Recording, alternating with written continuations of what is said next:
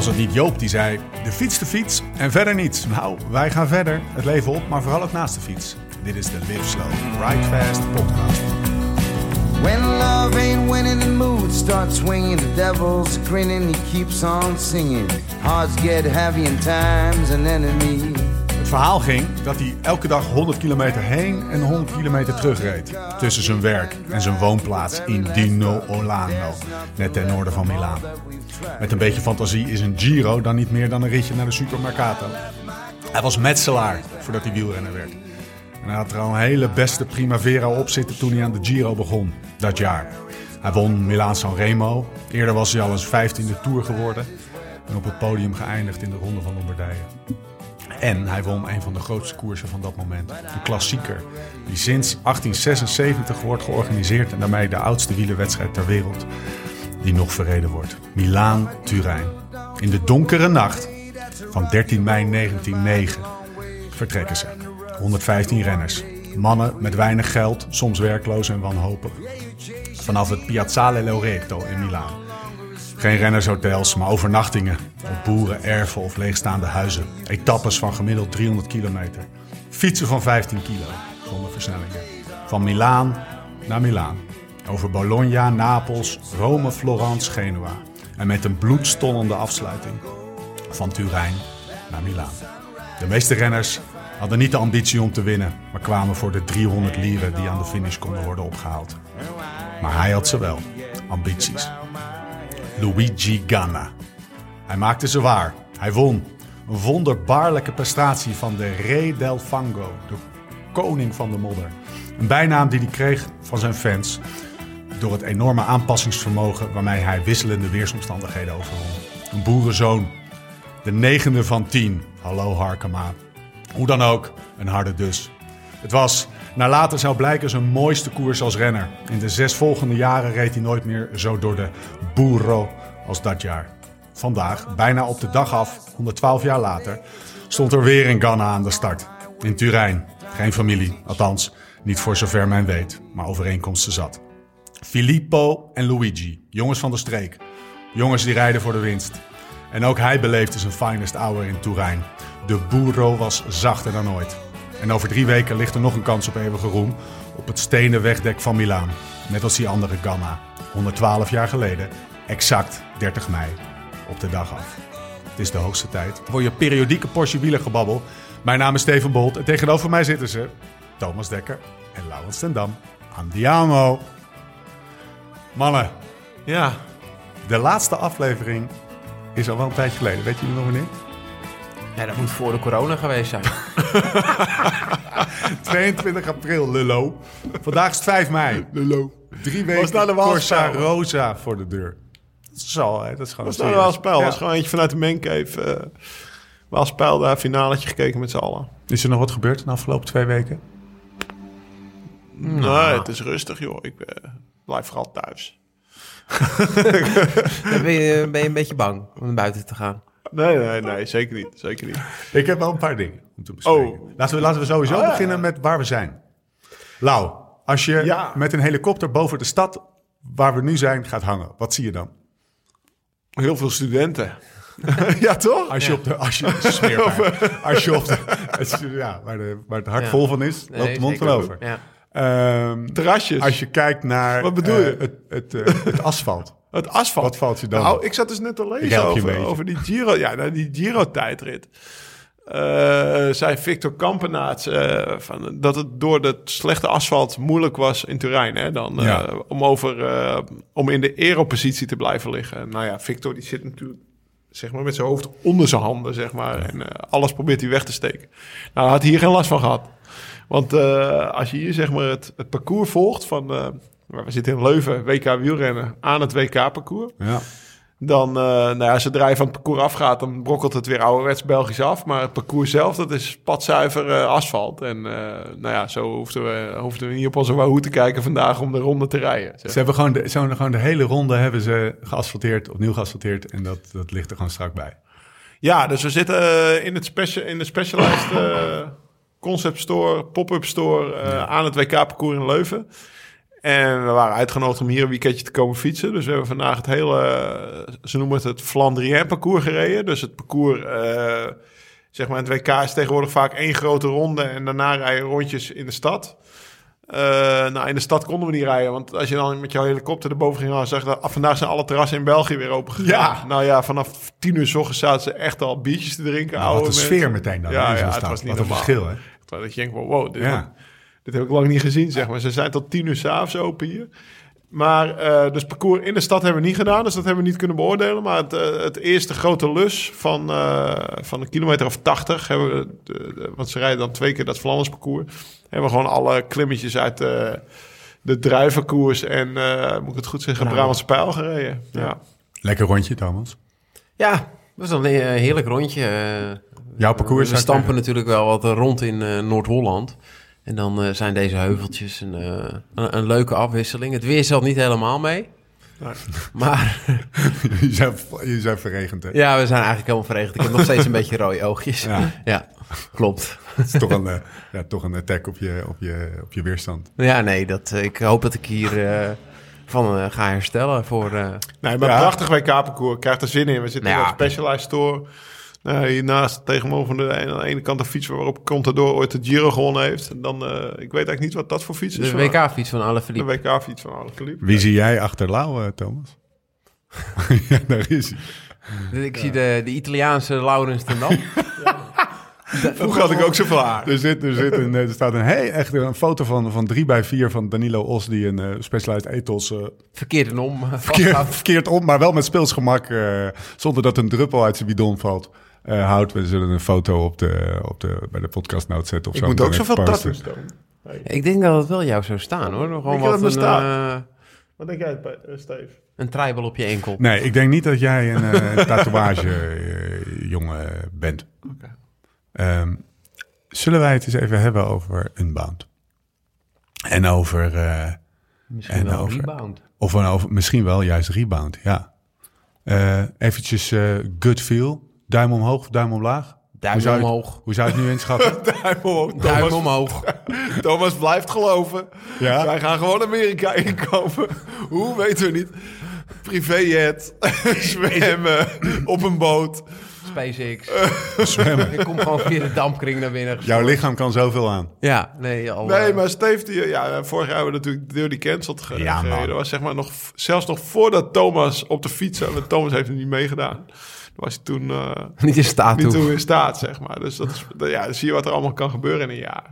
En eh, nou ja, we zijn bezig rebound op de tuin. Want ik kreeg Ja, zoveel vraag van... eh, joh, komt Dirty Cancel 2 weer? En nou ja, voor de mensen die het niet weten... Unbound heeft een rename gehad. Of nee, Dirty Cancel heeft een rename gehad naar Unbound... vanwege dat Dirty eigenlijk ook een scheldwoord is voor een indianenstam. Ja. Dus dat was eigenlijk... Daar in Amerika lag dat politiek heel gevoelig.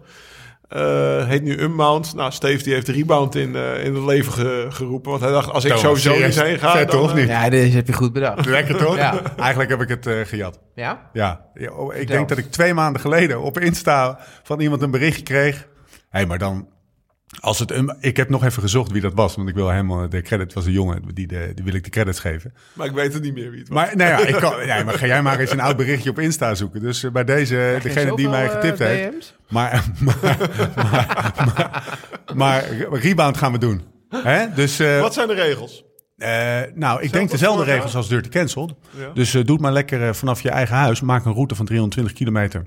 Of van 160 kilometer. 100 mijl of 200 mijl. Ehm, eh, dicht bij huis. Met zoveel Twee- mogelijk gravel. Start om 6 uur. Twee ruststops. Twee ruststops maximaal. Self-supported. Self-supported. Zuipen en, eh, en ja, ik eten als je thuis bent. de regel tegenwoordig maximaal vier. Ja, ja maar ik, Maar heb ik wel, weet- ik heb wel het idee dat, dat mensen met meer fietsen tegenwoordig. Dus iedereen, eh, zeg maar de inschatting om het eh, met z'n tweeën, met z'n drieën, met z'n vieren of met z'n zes te doen, laat ik lekker eh, aan, aan, ieder, eh, aan iedereen's... eh, Ja, of de regels zullen misschien op 5 juni alweer anders zijn. nou, daar, ook daar heb je gelijk in. Maar het, het, het, het mooie is, eh, we gaan gewoon en unbound en rebound fietsen. Oké, eh, dus dat betekent eh, hoe dan ook rebound Gaan we en, prijzen hebben. en we gaan prijzen hebben. Eh, ook dat dit wordt trouwens wel weer een lekker klusje. Specialized aanschrijven. Trigger, barbecue'tje, paar banden, denk ik, van Specialized. Ja, ik kan het ook gewoon nu zeggen. Ja, we gaan prijzen hebben. We gaan prijzen even- hebben. En alle sponsors, mail Steve even. Ja. wat heb je beschikbaar? Zo, Kom maar door. opgelost. Hey mannen, wat nu al blijkt is eh, dat wij, eh, wij, gaan, wij, hebben, we hebben veel te veel te bespreken. Dus we gaan het niet in anderhalf uur eh, of eh, wel, niet in drie kwartier regelen. Anderhalf uur moet lukken, toch? Thomas, Als we een beetje tot de kern komen. een beetje de essentie pakken. De Zullen- essentie. Zullen we, dan, zullen we dan eerst nog eens even hebben over eh, Flanders Gravel? Dat Oh, ja. lijkt ook alweer twee weken geleden. Nou ja, want jij vroeg wat is er gebeurd eh, Ja. inderdaad. En ik zei, eh, nou ik ben vooral thuis gebleven. Maar dat is eigenlijk helemaal niet waar. Bedenk ik me nu. Want ik ben ook nog een keer in het campertje naar eh, ja, Melden. En voor de, voor de goede verstaner, die weet dat, dat zeg maar, het dorp van Melden, dat is, dat is de Koppenberg. Hè? Dat is waar de Koppenberg start. En ik heb daar het parcours ook verkend in twee dagen van... van Flanders Gravel. En dat is ook een eh, koers die we hopen te organiseren 3 juli. Dat komt, eh, deze week komt rond of dat 3 juli is of in oktober. En dan willen we, eh, willen we zeg maar een vet gravel evenement in Vlaanderen. Echt een gravel race, hè? Dus geen... eh, geen Ja, dat, dat is nog de bedoeling zeg dat, eh, dat de vergunningen allemaal rondkomen. Als het aan mij ligt, gaan we gewoon lekker koersen. En ik was daar aan het rondrijden en ik kwam langs een, eh, een weggetje. Dat is echt een super vet parcours. Want eh, de, de parcoursbouw was een beetje... eh, die was een beetje eh, zenuwachtig of het wel lang genoeg zou zijn. Want het parcours is 160 kilometer. Nou, er zijn meerdere parcoursen, maar in principe de langste afstand is 160 kilometer. Nou ja, we hadden het net over rebound, unbound hebben we twee afstanden, 160 en 320. Dus hij vroeg zich af het- of het wel lang genoeg ging zijn. Nou, ik zeg, eh, ik bel hem op na die twee dagen. Ik zeg, gozer, je mag, eh, je mag tevreden zijn. Ik heb hem beide keren niet helemaal gefietst. Na Oh, 130 serieus? kilometer was ik helemaal af. Hè? En eh, dat komt doordat het... Nou ja, als je unbound rijdt, weet je daar in Kansas... dat is gewoon... eh, er zitten volgens mij tien bochten in het parcours. Nou, ga, je, ga eens naar Vlaanderen. Links, rechts, troelala, vet jongens. eh afdalingje en dat heet dan de ijskelder of zo. En echt een kasseienklim. Nou ja, dat is een beetje zoals de Koppenberg lag voordat die, zeg maar, eh herkasseid werd. Of Ja. eh, opnieuw werd ge- gelegd. Al die kasseien dus echt heel slecht. Met een single track afdalingje naar naartoe. En als je daar gaat koersen, ik, ik zag het al helemaal voor me. Hoe gaat dat? Dat wordt toch eh, mayhem als iedereen eh, over... ja, de- nou ja, de- in principe is de bedoeling dat we met 250 man in het eerste vak starten. Die echt de koers rijden. Dat er ergens een motor rijdt. Want ja, het kan geen auto zijn. Er zitten ook singletrekjes en alles tussen. En als je voor die motor nog zit, zit je in de koers. Nou zit je achter die motor, dan, moet je, dan moet je zeg maar je aan de verkeersregels houden. Dames starten tegelijk met de mannen. Eh, Het is wel een aparte uitslag met apart prijsgeld. We willen het ook prijsgeld doen en Ja. zo. Maar in ieder geval, ja, het is natuurlijk wel het nog laatste over van eh, eh, gelijkheid in de koers, zeg Ja. maar. En als de dames tegelijk starten, dan kunnen ze gewoon laten zien... Nou ja, laat maar zien hoe, hoe lang je mee kan, weet je wel. Ik hoop bijvoorbeeld... ja, ik, heb, ik had Amy Pieters al gecharterd. Ja. Ik weet dat ze graag gravelt. eh, maar die, die, die is dan in volle bak voorbereiding voor Tokio voor op de baan. Maar ja, aan dat soort meiden zit je ook gewoon te denken, weet je wel. En, eh, en, eh, maar je zou eigenlijk gewoon ja, elke, elke renner die de Tour niet rijdt, moet toch gewoon ja, die moet daar rijden. Ja. Nicky heb ik al gecharterd. Ja. Toluki, Antoine, Ja. ja. Antoinito. Ja, dan kan ik toch ook gewoon op mijn mountainbike rijden. Ik zeg, Tuurlijk, natuurlijk Antoine, dat gaat. Weet je wel, dus Antoine. eh, nou ja, ik zag bijvoorbeeld ook, weet je wel, die mannen van Alpecin hier Ja. allemaal. Die hebben 32 man eh, op de rooster staan. En er zitten ook veel crossers bij, weet je wel. Ik zag bijvoorbeeld een Tim Malier of zo. Zit ik Ja. aan te denken, ja, ik weet niet, die woont daar in de buurt. Eh, Joh, eh, kom een weekend langs. Het eh, is, Wout, eh, die, Wout van Aert moet eigenlijk gewoon even zijn Tour ja, die moet even de Tour even af, af Dat kan dus gewoon even niet. Nee, Thomas, prioriteiten stellen. mes tussen de tanden. Ja. En dan mag je misschien nog een keer te gast zijn in de podcast. Ik heb- Sta jij met je mes tussen de tanden eh, op de, aan, de, aan, de start? Op 3 Flanders juli? Gravel? Vlaams Gravel lijkt me Is het een wel beetje Thomas eh, parcours? Het is te lastig, eh, denk ik, als ik het zo... Te Ah, het is wel. eh, ja, het is ook best wel technisch. Het is dus een mix tussen unbound, maar ook best wel stukken single track zitten erin. Het is eigenlijk. Ja, het is eigenlijk een grasshopper. Die, want eh, in Amerika, dat is waar Ja. ook ik met gravel in aanraking ben gekomen, maar twee keer zo lang. Dus een grasshopper die, die, die limit die op 80 kilometer als hij best wel technisch is. Omdat je gewoon. Ja. Ik weet nog de eerste keer dat ik een grasshopper reed. Toen, Moet je even uitleggen wat een grasshopper is. Is een serie van wedstrijden aan in de eh. Californië, ja, Aan de westkust, een serie gravelwedstrijden. De eerste keer dat ik reed, toen, eh, die was maar 80 kilometer.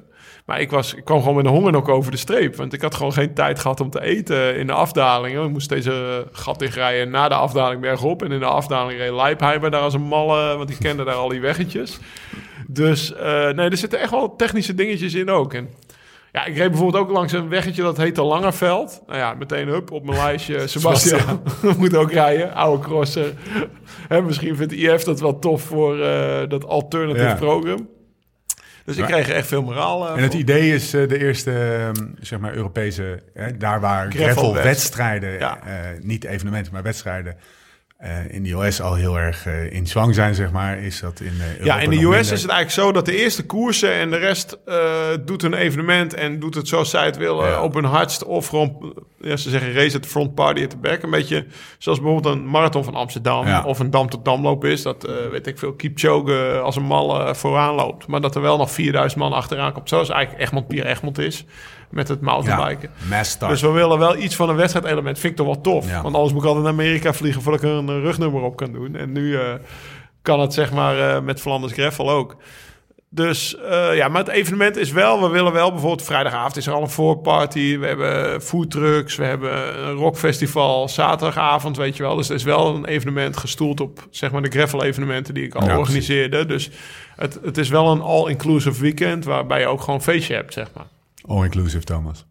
Nou, Ja, ook om mee gaan. Nee, maar ja, we hebben misschien nog wel iemand nodig die zondagochtend in zijn witte gewaad, weet je wel. Omdat, ja, Misschien de koers zegent. Ja, dat is het. ja. Even, eh, even Jij die sterfje aan, groeten nu. Ja. Aan Ja, maar ik bedoel de dag na de koers, weet je wel. Dat je gewoon iedereen eh, weer hield, weet je Ja. wel. Iedereen is toch naar de klote, feestje gehad, koers gehad. Ja, je eh, dat allemaal even een kussentje pakken en even een Gaan we eens even liggen. Ja. Gaan we eens even liggen. Mannen, voordat we echt onze chakra's op alfabetische volgorde gaan leggen, kunnen wij het even hebben over serieuze zaken.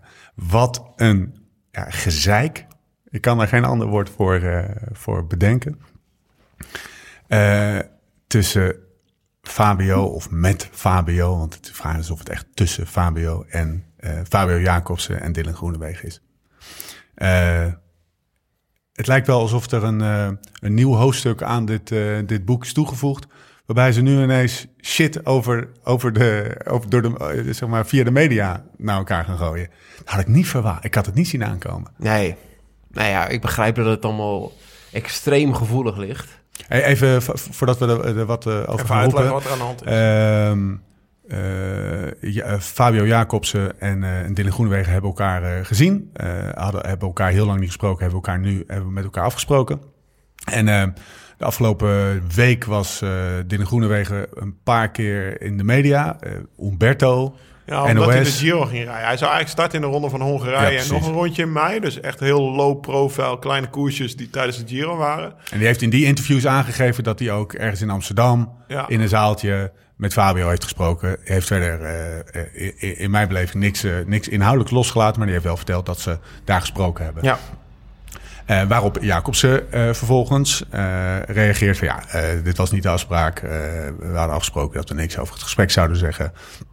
Ehm, punt. Er is ook niet echt duidelijk gezegd wat er in dat gesprek is verteld. Door eh, Groenewegen. Nee, ze staan natuurlijk ook een beetje voor, voor, het, voor het blok. Kijk, als je ten eerste de keuze gaat maken... ehm, wat ik niet had gedaan als ik Groenewegen was. Ik had geen interviews gegeven voor de Giro. En eh, ik was gewoon van start gegaan. Eh, hij heeft het recht. Hij heeft een straf uitgezeten die behoorlijk lang eh, is geweest. Uitzonderlijk in de wielersport, denk ik. En eh, dus ja, ehm, ik denk niet dat hij verwacht had eh, dat, het, eh, dat Fabio hier zo op zou gaan reageren. Want als je natuurlijk gewoon kijkt naar de feiten, wat er gezegd is. ehm, ja, Wat is- Dylan gezegd heeft. Ja, wat Dylan gezegd heeft. dat er contact is geweest en dat ze hebben gezeten. Ja, kijk, eh, als je iets dieper graaft, eh, hebben ze niet met z'n tweeën tegenover elkaar gezeten. om elkaar even, diep in de ogen aan te kijken. En eh, tot een soort van verstandhouding te komen. Maar waren daar juristen bij? En dit gaat natuurlijk om één ding. En dit is de schadevergoeding die er betaald moet worden. En uiteindelijk, wie gaat die schadevergoeding moeten betalen? Is dat de organisatie in Polen? Wat het afgelopen jaar het beste sportevenement in Polen is geworden, ondanks eh, deze val. Is het de UCI, eh, die zeker nooit verantwoordelijkheid eh, heeft genomen. Althans, de laatste decennia niet vooraan staat. Wel heel veel regels bedenkt, maar ja, misschien de veiligheid van de sport, wat nu wat actueler is, op de agenda heeft staan. Of gaat Dylan Groenewegen hier persoonlijk voor moeten gaan staan? zelf, zeg maar. Uh, of uh, is de ploeg waar hij voor fietst, Jumbo, uh, hier ook aansprakelijk voor? En kijk, en dat gaat een heel lang juridisch gevecht worden. En dit zijn twee jonge gasten die misschien op het moment dat dit ongeval gebeurde, de nummer 1 en 2 in de wereld waren qua sprintsnelheid. dus twee Nederlanders. ja, een ongelofelijke situatie eigenlijk. En dan gebeurt dit. En dit gebeurt natuurlijk elke dag in heel veel koersen. En uh, dit gebeurt bij renners van de Koning Quickstep. Dit gebeurt bij renners van Jumbo. Ja, bedoel en, dat het kwakje wordt uitgedeeld. Ja, zeker. En um, nu hebben zij dus besloten om uh, elkaar te ontmoeten. Uh, maar dat is niet een ontmoeting van, ja, laten we zand twee erover... Twee gasten aan een toog. Nee, ja. het, kijk, het allerbeste... Kijk, de, de een woont in Vinkenveen en de ander woont in Heulen, Heulenkom. Heukelom. Heukelom. Heukelom. Je, het, aller, kijk, het allermooiste is natuurlijk, we fietsen elkaar tegemoet en we kijken elkaar in de ogen. En juridisch moet er iets opgelost worden, want er moet uiteindelijk ergens verantwoordelijkheid worden afgelegd. Misschien komt uh, Fabio nooit meer op een niveau uh, dat... Um, um, dat hij dat die eigenlijk uh, waardig zou zijn.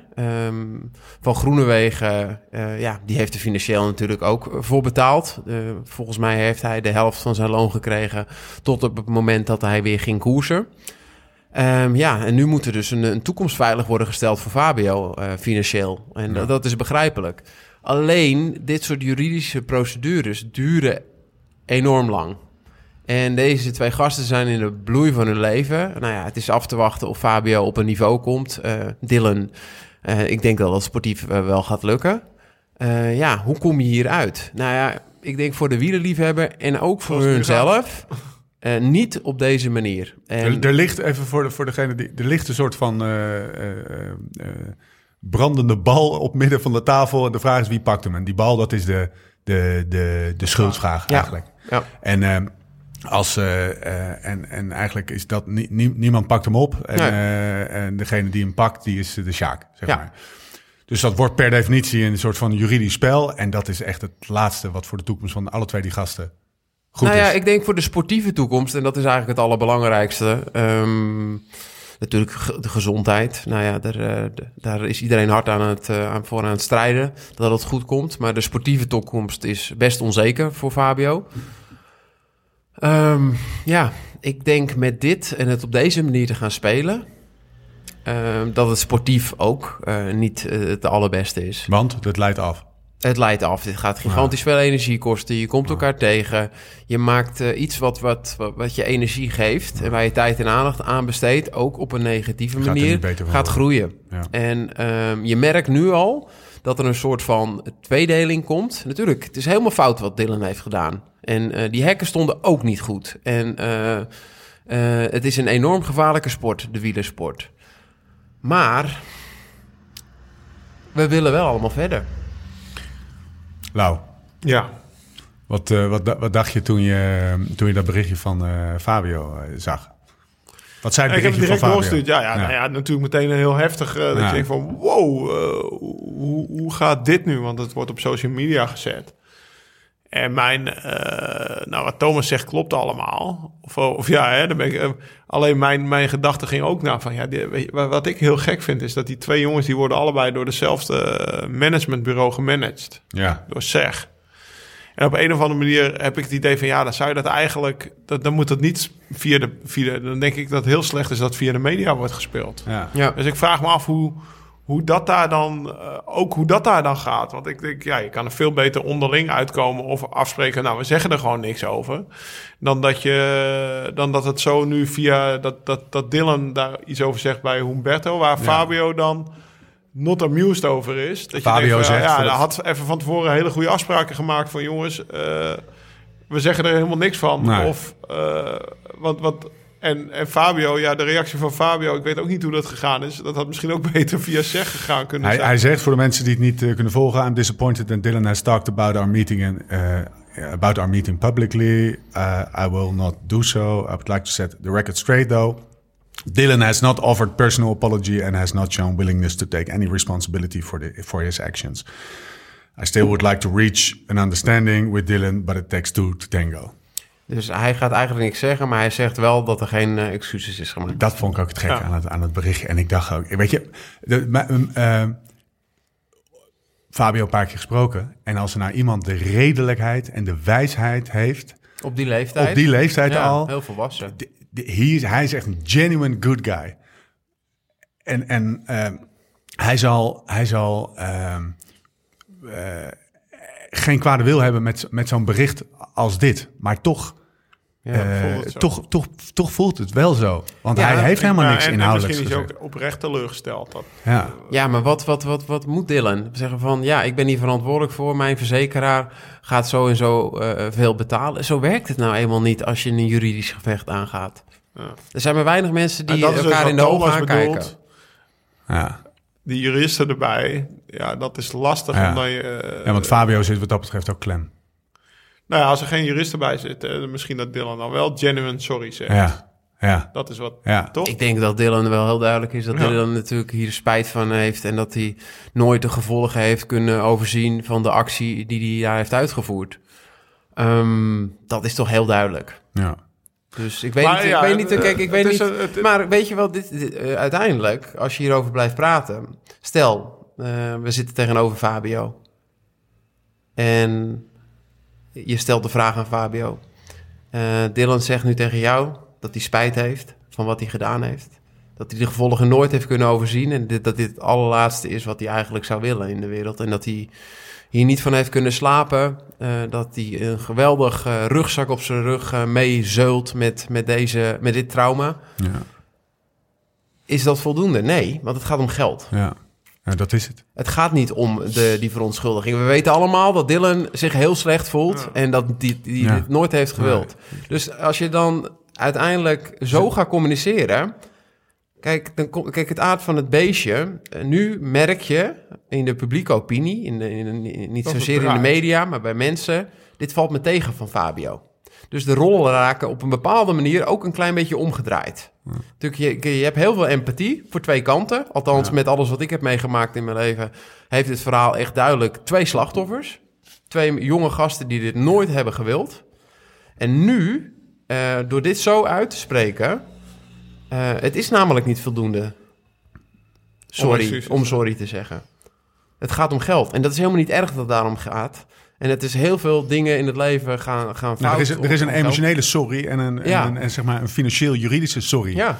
Ik En, denk eh, dat Dylan... eh, wat, wat moet Dylan? Moet hij zelf geld gaan overmaken? Ja. Eh, nee, ja, zo werkt het niet Maar in dat- de volwassen wereld. Maar dat, dat, dat was dat, dat dit, dit berichtje wat ik net voorlas, eh, is, is wat mij betreft, zo interpreteer ik het althans. eh, gebaseerd op de kennis die ik heb, hè, want eh, laat één ding duidelijk zijn. Hè, volgens mij, dit is wat we in de, in de, Wat in de media lezen. van de media. Ja. Als er maar één ding wel in de afgelopen jaren duidelijk is geworden, dat dat, dat, dat niet alle informatie Topje is. van de Dat- ijsberg. Dat is het topje van de ijsberg, Ja. zeg maar. Dus ja. eh, de echte, we- baseren ons op, op misschien de halve waarheid hier. Maar dat doen we gelukkig met alles waar we over Precies, praten. fact, fact of life. En ehm, ehm, wat hier heel erg uitspreekt, is ook iemand die het belang van zijn ploeg, eh, waar die heftig in, in, geïmpact is door de valpartij, financieel ook. Ja. Eh, ook in, eh, en dat is bij Quickstep natuurlijk heel heftig, de, de, het groepsgevoel en de, zeg maar, eh, de, de, zeg maar het, tegen team, de het teambelang. Wolfpack, Ja. Wolfpack. Eh, de Wolfpack, dat is natuurlijk, eh, ja, eh, dat voelt Fabio ook. Ja. Van ja, eh, hallo, niet ja- alleen ik heb een knauw gekregen en ik lig in tien stukken, maar Ja. mijn ploeg heeft ook gewoon echt financieel, want die hebben, volgens mij is, is hij wel doorbetaald. ja. Dus niet dat is ook dat, even storten ja. op de emotionele bankrekening, zeg maar. Ook dat. Maar, Maar je hebt natuurlijk ook iemand... Deze ploeg trekt ook een Cavendish aan. bedoel? Ja. Weten we nou? nog dat Cavendish... met- dat hij met Tom zo, in de Tour de ja. France deed? Ja. Sam Bennett, die Ja. een kopstoot. Ah, Kijk, Maar dat, maar dat, dat, Maar is, dat- dat, is, dat is, laten we die even parkeren, want dat is, dat is eh, valide punt. Maar die, wat wij zeggen over... eh, Nou ja, wat ik bedoel is, wat, wa- wa- kijk, waar je, waar je nu eh tegenaan komt, is ga je de, zeg maar, de organisatoren straffen, de UCI en Polen, of de matadoren, die Ja. door die organisatie Ja. worden ja, in de ring gegooid. En op een gegeven moment elkaar gaan bijten, zeg maar. Omdat ze, ja, het is jij of ik, weet je, bewijs van.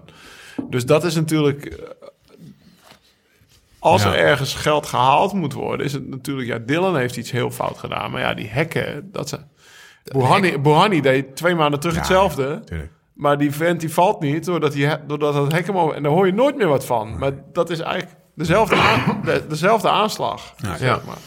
En dat is natuurlijk, dat is natuurlijk ook het lastige in dit verhaal. Ja. En we gaan het waarschijnlijk deze week weer zien. De eerste week in de Giro. Ze gaan sprinten. Morgen, ja. We gaan dingen zien die niet misschien door de beugel kan- kunnen. Maar het is niet zwart of wit. Het is een enorm grijs gebied, dat massasprinten. Ja, we gaan niet heel veel los ook, hè? Hier Nee, maar ja, dus, dus Nee, ja, maar, maar het, is, dus- het is jammer dat het via de media Ja, nu zo wordt is gespeeld. dat- En vandaar dat ja, jij zei, ja, Lau, wat, wat denk je ervan? Dat, dat, dat vind ik heel jammer dat dat gebeurt. En ook gek dat het gebeurt, Ja. omdat het hetzelfde managementbureau is. Ja, Ja. ja. Oké. Oké. Ik denk ook wel dat eh, de gevolgen... eh, want ik denk als jij als leek... en misschien ook wel als wielerliefhebber... eh kijk, kijkt naar wat, wat Groenewegen heeft gezegd... Ja, die is ook... Zegt niet zoveel. Nee, die is Hij ook, zegt helemaal niks. nee, die is door, maar die is Nee. door een hel gegaan. Ja. En eh, niet zo erg als waar natuurlijk Fabio doorheen gaat. En niet zo onzeker. Op, op, een, op een hele andere manier. Ja, die geeft eh, twee keer een, een interview. Eh, waar eh, hij eigenlijk over zijn terugkomst. En ja, dat is in de sport nou eenmaal normaal. Conclusie. eh Dylan roept wat, maar roept eigenlijk niet zoveel. Dylan, of Fabio, die, die, die zegt dat hij eigenlijk wel veel geroepen heeft. Maar waaruit eigenlijk, want het is zo'n goud eerlijke vent. Daardoor wordt alleen maar uitduidelijk dat, dat er meer krachten spelen dan alleen het, het persoonlijke emotionele belang van, eh van gaat om geld. En dat, en dat is geld. Dus, eh, en dat is in een trieste situatie voor gewoon twee gasten die gewoon zo snel mogelijk bij de meet wilden zijn. Dus eh, sterkte voor beide. Kunnen wij het over een ander onderwerp hebben? Namelijk graag. Race Around the Netherlands. Bruggetje van niks. Maar jij reed door de duinen. Daar moeten we het Ja. toch even over hebben. Ja, ja dus ik, ik, ik, eh, ik, ik wist dat hij bezig was. Want er Ja. waren mensen die hadden, de, die hadden me via Insta drie keer gezegd... waarom doe je niet mee in de race around Ja. Netherlands? Vertel even wat is. Dat is dus, nou ja, zo, wat is het? De, de, de, de, de, wedstrijd om Nederland. Dus, Het is een- 1900 kilometer, Het is een ik. bikepack-wedstrijd... Van, eh, die, die de landsgrenzen van Nederland zoveel mogelijk volgt. Ik weet eigenlijk niet zeker of ze over, of ze over de afsluitdijk zijn gefietst. Omdat Nee, die nog steeds voor de fietsers Nee. dicht is. Dus dan moeten ze zeg maar de Zuiderzeeroute rijden. En daarna reizen ze weer helemaal... Zij wordt eigenlijk nog langer daardoor natuurlijk. En daarna reizen ze weer helemaal terug naar Den Oever, Den Helder... en dan door de duinen eigenlijk de meest westelijke tot Vlissingen. Nou, linksaf, dan gaan ze naar de Keutenberg. En volgens mij finishen ze ergens in Apeldoorn of zo... bij de proloog. Ja. Daar is startfinish, Ja. volgens mij. Ja, Amersfoort. Of. Amersfoort, ja. En eh 1900 1900 kilometer in totaal. Echt zo'n bikepack-wedstrijd, wat, eh, wat een beetje eh, toch wel iets van prestige heeft, net zoals Transcontinental. Dus Ja. gewoon eh, in Nederland is het wel de grootste, denk ik. Ik weet eigenlijk niet eens of er andere bikepack-wedstrijden zijn. Wel op de wegfiets. En een bikepack-wedstrijd betekent dat je van start tot finish begint de klok te lopen. En je bent volledig self-supported, dus je moet je eigen fi- fietsen en je mag slapen waar je wil. Dus je kan een hotel boeken, maar je kan ook op een matje gaan liggen of in een bosjukje gaan liggen of niet slapen. Of eh, als je maar zo snel mogelijk weer binnen bent. Je moet je eigen eten en drinken hosselen. Eh, nou ja, voor 1900 kilometer. wat Is ik- eerst al binnen eigenlijk? Jij kwam iemand tegen. Laat Ja, ik kwam iemand tegen dus die bezig was. eh, ja, ik was zelf aan het fietsen in de duinen op het meest westelijke fietspad. En op een gegeven moment, ik stond even stil om, eh, om te pissen. En toen kwam er eentje langs en ik hoor, Lau. En die, die draaide om, terug. En ik dacht, oeh, wat ziet die eruit, weet je wel. Weet je, er was, nou ja, een graad of 15, maar uit een bivakmuts om. Nou ja, kleren die al wel goed, goed vies waren. eh, En dat zegt wat dat zegt dat wat zegt. Heel zegt, zeg herkenbaar Maar, maar ook. twee, twee bivak met nog een extra buff. Gewoon echt warm aangekleed. Ik zeg, zo, jij bent warm aangekleed. Ja, bezig aan de race rond de Nederlands. Ik zeg, oh, jij bent een van de... Volgens mij doen er 80 man vrouw aan mee, Ja. zeg maar. Eh, een aantal paren. Je kan hem Ja. ook in paren rijden. En eh, die andere 60 doen het helemaal alleen. Nou ja, dan 1900 kilometer alleen fietsen. kan je heel wat in jezelf praten. Ik zeg, ik ben, ik ben die en die en ik doe mee aan de race around the Netherlands. Ik zeg, ah, oké. Dus nou, die had in Slowdorp in een hotelletje geslapen. Die was door. Ik zeg, ah, ik ga lekker, man. Ik ga lekker, man. Hij stond helemaal te spacen. Ik Ja. zag het op mijn Insta-story. Hij zegt, eh, ik heb eh ja, 80 muziek op, had hij op zijn oortjes. En hij was dus die, die koers aan het rijden. Maar ja, toen ik hem tegenkwam, moest hij volgens mij nog 900 kilometer. Was de eerste al bijna binnen. Ja. Want dat is dus eh, een of andere kerel die, eh, die heeft dus alles. eh, die heeft 1900 kilometer. We hebben het gisteren uitgerekend in drie dagen en 19 uur gedaan. Nou ja, Ja. Thomas, hoeveel gemiddeld 21 gemiddeld? was Maar gewoon non-stop fietsen, hè? het? 24 uur lang, 21 gemiddeld, 24 uur per dag, zeg maar.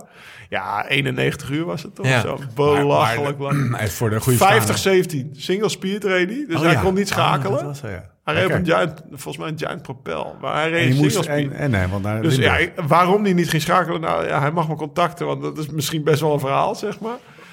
Eh, maar ook daarmee de Keutenberg op. Hè? Ja, Dus joh. de Keutenberg zit in de route. Eh, en eh, ja, volgens mij had hij de eerste duizend kilometer gereden. En toen pas ging hij een keer in Den Helder slapen of zo. Weet je wel, dat je denkt... Er zijn gast, voor, voor mensen die denken, jezus, wat is dit voor freak show? Ja. Dat is niet bij iedereen. Hè?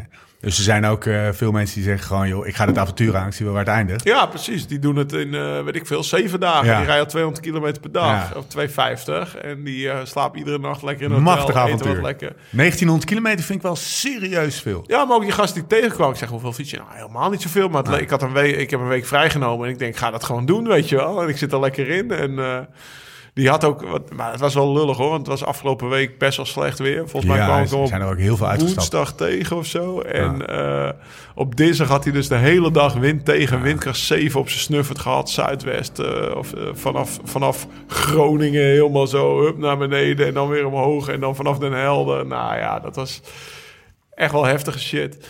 Dus die is afgelopen week geweest in Nederland. Ja, gewoon even een sidesteppie. 900 1900 kilometer, Thomas. Ja, ik moet er niet aan denken. ik vind het ook heftig. Ik zou zo, ik vind, en, zeg maar, het, het, een bikepack trip Oké. is heel vet. Ja. Weet je? En, Ja. en ook gewoon, en, en dan heb je een bikepack trip of een bikepack wedstrijd. Dan denk ik wel, ja, oké, nou kan ook nog, maar 1900 kilometer. Ja, dat is een beetje middel, ja, toch wel aan de lange kant, zeg maar, voor die bikepack races. Ja, het is niet van, van Maar- de oostkust naar de westkust. Nee, nee, nee, ik, weet, ik weet bijvoorbeeld van jou van... Ja, in, oh, sorry. Heb ik nog Eh, sorry, in, in Amerika is het eh, volgens mij 6000 kilometer. Ja. Race across America. Dan reizen gewoon... eh, en je hebt dan ook de Great Divide Race. Dat Ja. is van noord naar zuid. Nou ja, je hebt eh, Italy Divide, France Divide. Ja, dus er zijn wel Badger veel... Divide, Ja, je hebt. Transcontinental. Dat is door heel Europa heen. Dus je hebt er best wel veel. Maar eh, ja, van jou weet ik bijvoorbeeld ook dat je zegt van ja, een event voor één, bij één dag houdt het bij mij wel op. Zeg Nou, nou, op Of- zich niet eens één dag, maar ik, het, dat zo'n... ehm, dat je helemaal in je slaap... Deprivation, Ja, dat is zo'n mooi woord, ja. ja. Zo, echt zo'n... Dat je echt gaat eilen en zo. Dan denk ik, ja, waar, Maar dat was ik dus ook zo. Die gast die ik tegenkwam, die was al helemaal aan het spacen. Ja, hallo, Lau, relax dat je tegen... We hadden het net over, eh, wat zei je nou, Eh, over halfjes. dat de hele wereld tof en lief is. Ja. En dat is zo... Dat had hij ook. eh, ja, echt, Ja. joh. Ah, ja, eh, Lau, Lau, even een fotootje maken. Toen keek hij naar zijn telefoon. Oh, ik heb... eh, want dat had hij natuurlijk de eerste minuut ook al gedaan. En we stonden vijf Ja, minuten is praten. Ah, voordat ik tweede weg ga, even een fotootje. Oh shit, ik heb al een foto gemaakt. Oh, maar Ik ben niet scherp meer, zegt hij. Weet je zei, nou, ik al een beetje door. principe. Hey, of, het nou, of het nou één dag is of vijf dagen, het principe van ik stap op de fiets. Ik heb geen. Ik, ik, weet je wel, ik moet niet. Ik, ik, ben niet aan het racen. Dat is voor mij dat, dat Ja, is hetzelfde ja. principe. Ik stap gewoon op de fiets.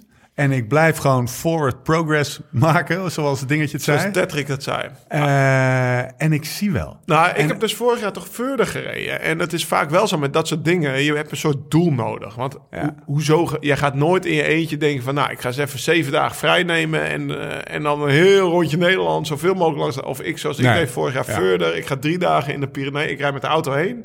En dan ga ik drie dagen door de Pyreneeën eh, fietsen en wandelen. En dan rijd ik weer terug. Maar als er een evenementje is, doe je ja, het wel. Ja, eens. Toch? Maar dan kan je het doen zoals Laurens en Dam. Zo snel mogelijk, achter die freaks aan. Ja. Of à la Bas Rotgans. Dat is een beetje... En die meerdere dagen maakt mij niks uit. Maar ik zou dan eerder... Ja, het Bas van beestje, maar ook gewoon je fysieke, fysieke ability, zeg maar. eh, de, de Bas Rotgans manier doen. Maar ik denk dat Bas toch ook wel voor zichzelf zo hard mogelijk ging. Dat kan. Ja, eh, nou, dus, dat ook wel. maar je kan er, eh, ja, dan zou ik meer de John Woodruff eh, doen, want die finishte hem gewoon niet. Die was halverwege. Maar die had wel de mooiste trip van iedereen gehad. Want ergens bovenop een klim was een of andere oude mijn. Waar nog alle mensen in hadden geslapen in de barakken. En wij waren alleen heen en weer gefietst. En hij had die hele mijn vier uur lang verkend. Weet je wel, kijken wat daar is. Weet je wel, dan vond hij nog een oud bureau met oude aantekeningen. En die had het mooiste avontuur eigenlijk beleefd. Ja. Dus het is echt, iedereen kan eruit halen voor Ja, zichzelf wat ze willen. En dat is wel tof. Maar Ja. om eerlijk te zijn, in dat soort wedstrijden racen misschien alleen de eerste vijf echt. Ja. Weet je wel, en de andere 60 die, eh die rijden. hebben een mooi lekker. avontuur. Ja, die hebben een mooi avontuur. Oké mannen, 40 minuten in. Ja. Zijn, we, zijn we bijgebabbeld? Hebben we nog dingen die eh, ter tafel moeten komen? Anders gaan we het over de wijn hebben. Lau, Ja, de wijn. Waar staat hij? Oh, hier, achter mijn laptop. Wie is Spike? Ja, Spike is onze uh, wijnvoordeelman. Hè? Die, die doet bij ons thuis altijd de proeverij als wij weer een kopgroep of pelotonboxie samenstellen. Dat voor lijkt ook alweer een maand geleden. Dat was Ja, is misschien het wel een maand geleden. Ja, ja.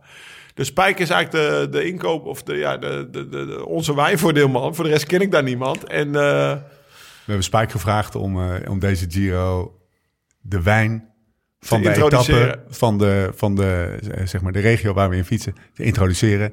En hier komt hij. Mannen, ik heb echt iets moois voor jullie.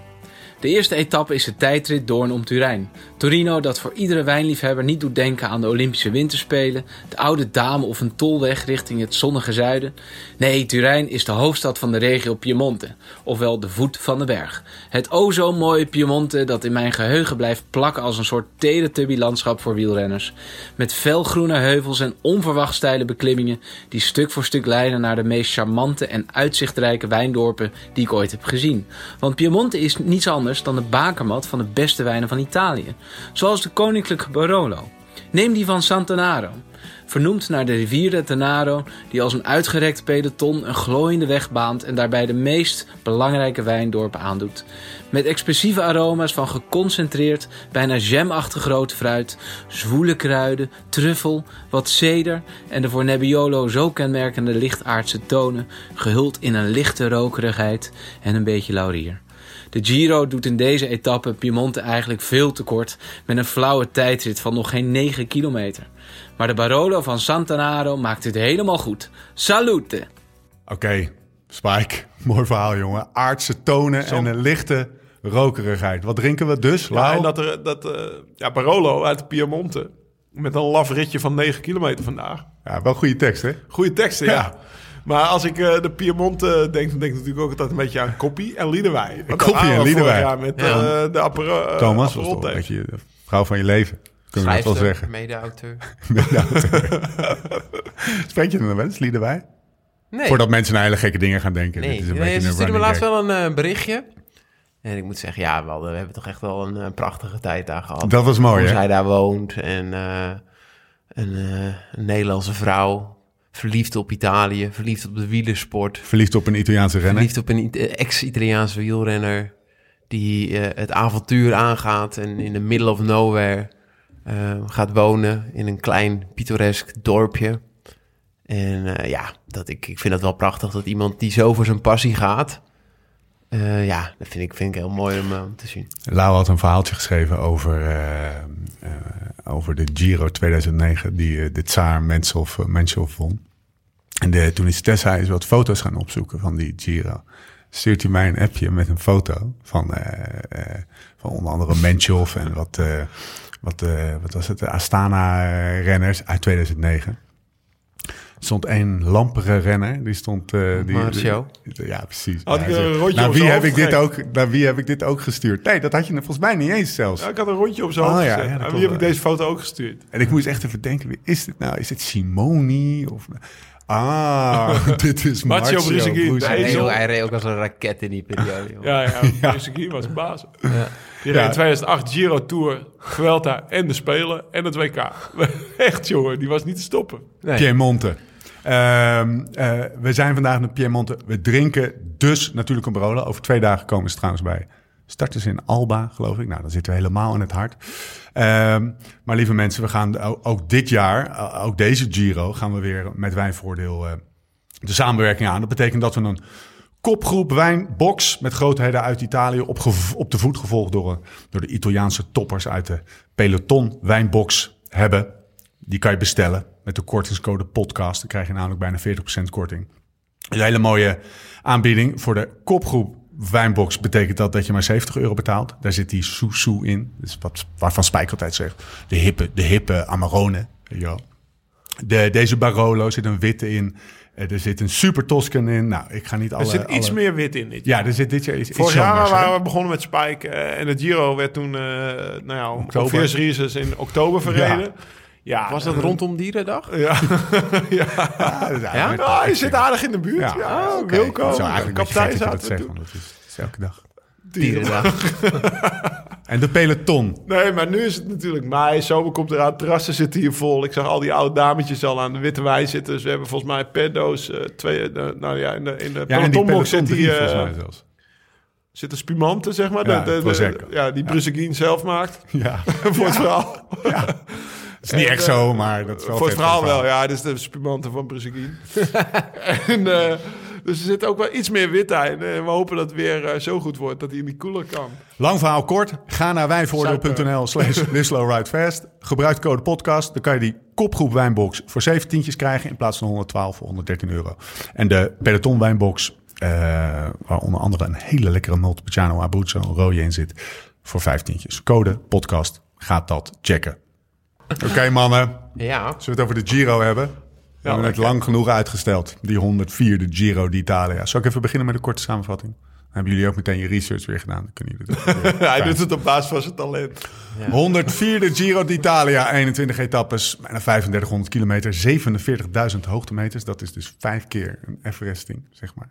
Toch wel drie weken. Start in Turijn, finish Milaan. Rustdagen op dinsdag 18, dinsdag 25. Twee tijdritten, samen goed voor bijna 39 tijdritkilometers. Zeven aankomsten bergop, waarvan drie in de laatste week. Vijf, zes potentiële sprintetappes. Vier etappes langer dan 200 kilometer. En de Cima Coppi ligt op de Passo Pordoi. Zeg het maar, mannen. Waar gaan we op letten de komende drie weken? Want eh, de eerste etappe is al geweest, gaan we het zo meteen over hebben. We gaan ook vooruitblikken op de eerste twee, drie etappes tot de volgende podcast. Laten we een soort van mini-versie van de, van de voorbeschouwing op de Giro doen. Want er zijn er 192 voorbeschouwingen geweest. Ik ben vooral benieuwd waar jullie op gaan letten. Dus dat kan een renner zijn, een etappe, een berg, een stadje, een wijn, een, plo- een ploeg, Een ronde mis. een ronde mis. Nou, ik, kreeg- ik kreeg vandaag een foto door. Eh, die ga ik er meteen maar even bij pakken om eh, toch een beetje de stemming eh, omhoog te brengen. En die, die foto, die, daar stond een, eh, een eh, we zullen hem eventjes op de, op de, op de, op de gram zetten ook. Maar de, de tekst was daarbij, mooie trofee hè?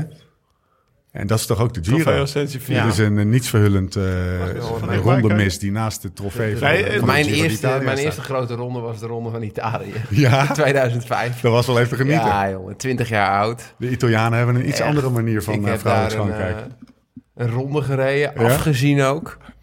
Ik weet nog wel eh, dat, eh, dat middelste weekend, dat Parra. Ja. Parra, eh, die twee ritten Fabio won. Parra. Fabio Parra.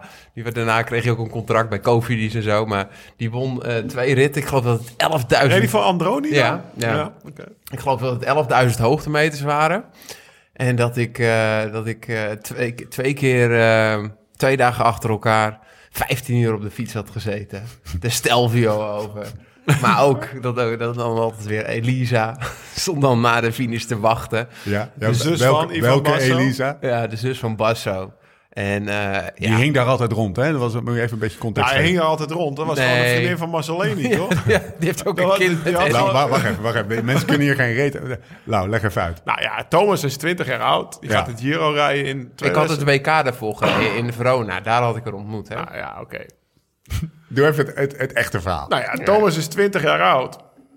Die rijdt zijn eerste grote ronde. Die wordt aan alle kanten voorbij gereden. Toch? Nou ja, in de tijdrit niet, maar het, viel je wel Voor tegen hoe hard ze rijden. Ja. Zeg maar. Je werd zo Ja. moe. Het kon echt niet. Nee, je werd zo moe. En eh, ja, ik, doe, ik doe helemaal niks. En zij doen allemaal alles. Ja. en, eh, maar toen was daar dus ook altijd Elisa Basso. Ja, helaas was ik er niet bij. Dat is wel jammer. Ja, dat was wel mooi geweest. Eh, vriendin van Eddie Marcelini, weet Ja. je wel. Een van die gasten die zo knijteruit reed. Ja. ja. Toch? Ik weet niet wat Hij die reed alleen die Giro volgens mij niet. Oh, die Giro reed hij Nee. niet. Oh, jammer. Dat Nee, dat was, was het helemaal- supporteren voor de broer. dat was, ah, oké. Dat was helemaal een verhaal geweest. Maar ja, dat was dus de vriendin van Eddie. Maar Thomas die liep ermee weg aan het eind van de Giro. Toch? Zeg Nou, tijdens de Giro al. tijdens de Giro. Ja. Maar hoe doe je dat dan tijdens de Giro? Want je gaat toch van, je gaat dan na de etappe, ja, dat wil ik weet ook, godverdomme. Je gaat na de etappe, ga je toch, Je slaapt s'avonds dus in een hotel. en dan liet je, daar en ik naartoe. uiteindelijk, na een week was ik alleen op de kamer. Want mijn kamergenoot... eh, Wie was dat? ik weet niet of hij het heel leuk vindt. Maakt het uit. Steven de Jong. Oké, oké, oké. ja, kniepijn. Nou, Dus, die was eh, naar, ja. was naar huis. Alle- de cirkel is alle- dan een beetje de- rond, De seksuele expressies gingen eruit toen Steven naar huis ging. En toen kwam Elisa. Jeetje, wat een verhaal, man. Hè. Ja. Mooi ja, verhaal. Wel leuk hoor, als je zo terugkijkt. Was een mooie tijd. Ja, het was, het was een mooie Witte tijd. Nee, dat is ook heel anders dan Live Slow Ride vast nu. Er is Podcastje zoveel, maken. zoveel gebeurd sindsdien. Echt. We gaan Hoeveel Dus jij had leiden? gewoon, ja, maar dat, dat ging natuurlijk rond in het peloton, dat verhaal. Oh ja? Ja, ja, ja, nou ja. Kon je niet echt Ik stilhouden. weet nog- Nou Elisa ik Basso, weet laat nog- ik, het ook zo, laat ik het zo zeggen. Elisa Basso, je moet maar eens een fotootje googelen. Ja, dat was, Het was wel een raffisante verschijning. Jezus, wat een mooi woord. Dat is Dat was echt eigenlijk heel mooi, hè? pure porno. Ja, nee, Ja. op dat moment. En op die, en op Ivan, die is, leeftijd. Ivan Basso is eigenlijk best wel een, eh, een, een rustige... Ja, toch? Heel rustig. Als je het hebt over een Italiaan. Nou, dat ik denk de meest rustige Italiaan Wat die vond- ik ooit ontmoet heb. Wat vond Ivan ervan? Ivan wilde het niet horen. Nee? Nee. Had je, had contact met Ivan? Ivan, eh, ik weet nog dat ik eens door die rit, dus waar hij dus... eh, Lau, Lau gaat nu met zijn ogen dicht en zijn handen op zijn oren zitten. Demonstratief, Ja. met een grote glimlach. Hoe reageerde die? Ivan? hij wilde het echt niet horen. Nee. Dus toen ik in het peloton, toen zei hij, ja, dus hij is met jouw zusje. en dat, dat fietste hij weer door. En eh, ja, dat was, wat was een, een, een- Eén avondje dit, Thomas. Meerdere Maar avondjes. Nee, ik denk dat ik... Nee, op de, ik, de hele derde week. Ik weet nog, dat die tweede rustdag dat ik gewoon mijn kamer niet ben uitgekomen. en dat was heel grappig, want Frans Maas was ploegleider. En die net zeggen, wat zei de ploeg? En die Ja. dag daarna, ik ben 20 jaar oud. en ik, bij de eerste tijd had ik wel zeven mensen ingehaald. Dus ik had op zich wel een niveau. Alleen ja, die echte bergop, ze gingen gewoon te hard. Het was een te rare en bijzondere tijd in het wielrennen. Maar naast die eerste, naast die rustdag, ik dus de hele dag in die hotelkamer gelegen met Elisa. Nou, eh, behoorlijk veel eh gedoucht en eh, weet ik veel. Lichamelijke allemaal. oefening. Lichamelijke oefeningen, core stability, je kent het wel. Planken. En die eerste twee uur, die dag erna, 96 kilometer afgelegd. 48 per uur gemiddeld. En, en ik in dat laatste wiel, want je kent het heel ja. En ik gewoon, weet je, maar ik kon er natuurlijk gewoon op het vlak kan ik hartstikke hard rijden. Dus ik bleef er gewoon altijd gewoon omheen rijden. En ik, ik kon niet om opschuiven. En eh, ik nog dat Frans zei van, ja... Misschien toch gisteren iets eh, rustiger aan moeten doen. Ja, maar ik heb niet gefietst, Frans. Nee, mooie, weet ik. mooie, mooie introductie op, ja. de, op de Giro d'Italia. Ja. Dat is toch de mooiste ronde. Het is echt veruit de mooiste grote ronde die er is. Lau, waar ga jij op letten? Deze Giro. Waar ga jij op letten? Eh, nou ja, ik, ik ga toch wel letten, want ik heb, ik ben, jullie weten, eh, of ja, de, de vaste luisteraar van de podcast weet dat ik fan ben van een eh, Belgische krant, het Nieuwsblad.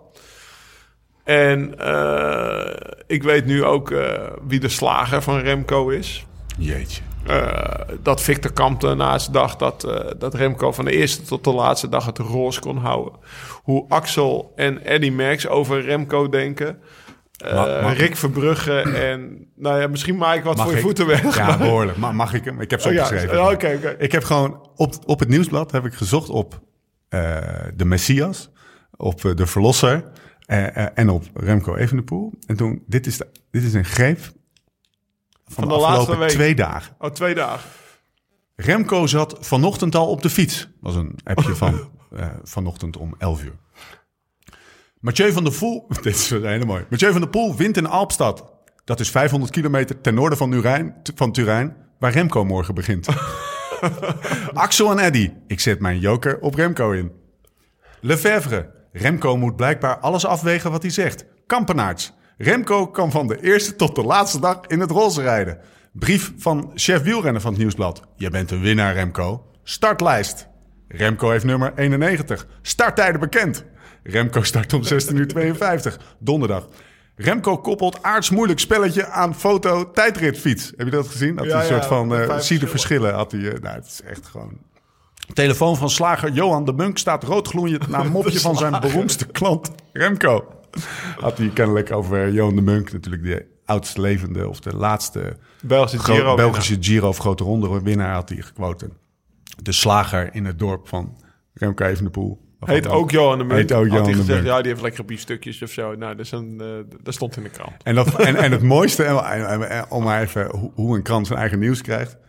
Hadden ze een poll gedaan over de verwachtingen over, over Remco.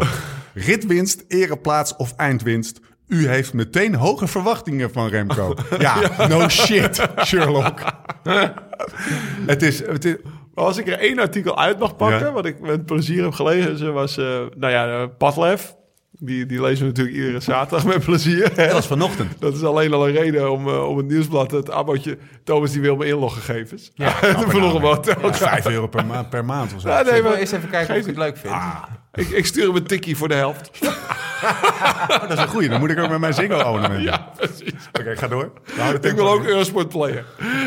Ehm, Kost hem geld. kost hem geld, deze opmerking. Hij moet jou meer betalen Ja, waarschijnlijk dat dan dat ik hem ga betalen. Maar Petlef, die zei, we, we, we willen Remco eigenlijk zoveel mogelijk eh, van het front weghouden. Want dat hebben we met Bonen te weinig gedaan. Ja. En want Bonen is natuurlijk, ja, dat was, eh, we hebben met Tank in de podcast gezeten, was natuurlijk ook god in België of, en, en nog steeds. Maar dat was ook wel, dat vond ik wel een opmerking waarvan ik Ja. dacht van, oh ja, dat, dat, heeft hij toch wel iets van geleerd. Dat hij dacht van, ah, met Bonen is het achteraf toch niet helemaal goed gegaan. Soms Ja. heb je dat gevoel, hè, dat je, nou, ga ik volgende keer toch anders doen. Want ja, Tom die werd natuurlijk eh, van alle kanten belaagd. En uiteindelijk is hij volgens mij geschorst geweest voor cocaïnegebruik ook. Ja. En eh, dat soort dingen. Dus eh, dat vond ik wel mooi. Maar ze proberen Remco... Ja, als Remco nu zegt... Ja, ik ga knechten voor Almeida. Gaat gewoon beter zijn hoor, Almeida. Dat soort dingen. Eh, Almeida gaat beter zijn dan Remco. Ja, Ja? ja. Ja. Kan- Kunnen jullie eh, ehm, eh, wat zeggen over het feit dat eh, er zijn eigenlijk twee renners die, eh, eigenlijk drie, die heel lang, heel lang niet gefietst hebben. Eentje is Dinne Groenewegen, komen we zo nog over te spreken. De andere is eh, Remco Evenepoel. Eh, in datzelfde nieuwsblad, we blijven alleen maar het nieuwsblad quoten. Misschien kun je eens de Volkskrant of het AD doen, zo zou ook wel leuk, Nederlandse krant. Stond... ehm, stond Kampenaerts, die zei wel iets moois. Hij zei, ja, ik had, ik heb, ik, eh, eh, de koersritme is een begrip van vroeger, toen er veel minder wetenschap was in het wielrennen. Vandaag kan je op een training zo specifiek werken. Plus, je hebt de omstandigheden veel meer in de hand dan in de wedstrijd.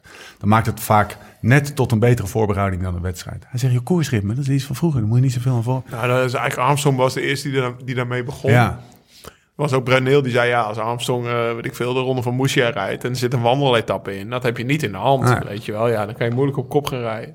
Dus je training kan je wel altijd iets meer specificeren, precies wat jij die dag wil doen. En in de koers is het wat anders. Kijk, vroeger was het gewoon veel meer, we doen allemaal duurtraining en dan rijden we één of twee etappekoers en dan hebben we de intensiteit gehad. Dan zijn we goed, toch? Ja.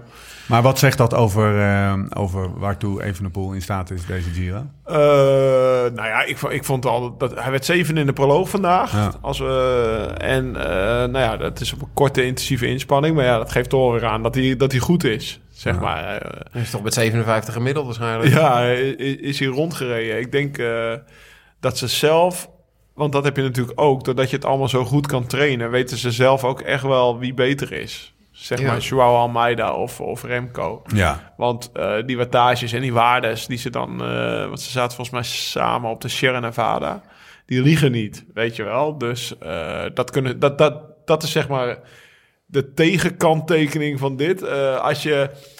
Als je zeg maar heel goed kan trainen daarvoor, weet je ook heel goed als je niet goed genoeg bent. Ja. Terwijl vroeger had je altijd de sport van de hoop, Ja. toch? En vandaag is het natuurlijk ook bekend geworden dat Almeida weggaat bij Ja. de Koning Quickstep. ja. Ja dus het is, Dat is natuurlijk ook wel weer een factor. Is dat een, eh, want hij heeft een sterke ploeg hè, met, eh met, met, met, met eh, Masnada. eh, Masnada ook en Nox. En eh, die Masnada die Iljo. heel goed in Roman. Iljo natuurlijk, die gaat even lekker eh, op kop brommeren. Maar dus ook eh, Almeida. Ehm, in datzelfde nieuwsblad zei hij, eh Lefevre, eh, weet je, we gaan die hiërarchie, laat de benen maar spreken. Ik heb jou toch een screenshotje doorgestuurd. Hij Eh, zei, we ja, hebben allemaal wattagemeters, eh, we hebben allemaal Ja. wattagemeters op de fiets. Als jij zegt dat je niet goed genoeg bent om Ja. te knechten, we hebben wattage, we hebben hartslag, weet je wel. Je gaat mij niet voor de gek houden. En als jij zeg maar met de petten naar gooit, gaat je fiets in de camion, gaat hij gewoon naar België. en dan sta jij niet meer aan de start. Ja, geen Dus-. Hoe zou, hoe zou die Almeida zich voelen? Eh, Na vandaag ook? Nou ja, ik weet in ieder geval, die gaat, die gaat sowieso een eh, dik contract ergens tekenen, Ja. zeg maar. Eh, hij heeft eh, gewoon, wat werd hij, derde uiteindelijk? Nou, hij stond heel lang derde. Ja, we kunnen het zelf opzoeken. Dat, nou ja, hij heeft in ieder geval een knaller van de tijdrit weer gereden. Vandaag. En eh, laat zien dat hij er gewoon weer staat. En ja, die jong, die jong is ook pas tweedejaars prof. Hè? Die is minder lang prof dan Remco. Ja, Dus, hij heeft al wat dagen in de roze ja, daarom. Dus dat is ook gewoon een, echt eh, een renner voor de toekomst, hoor.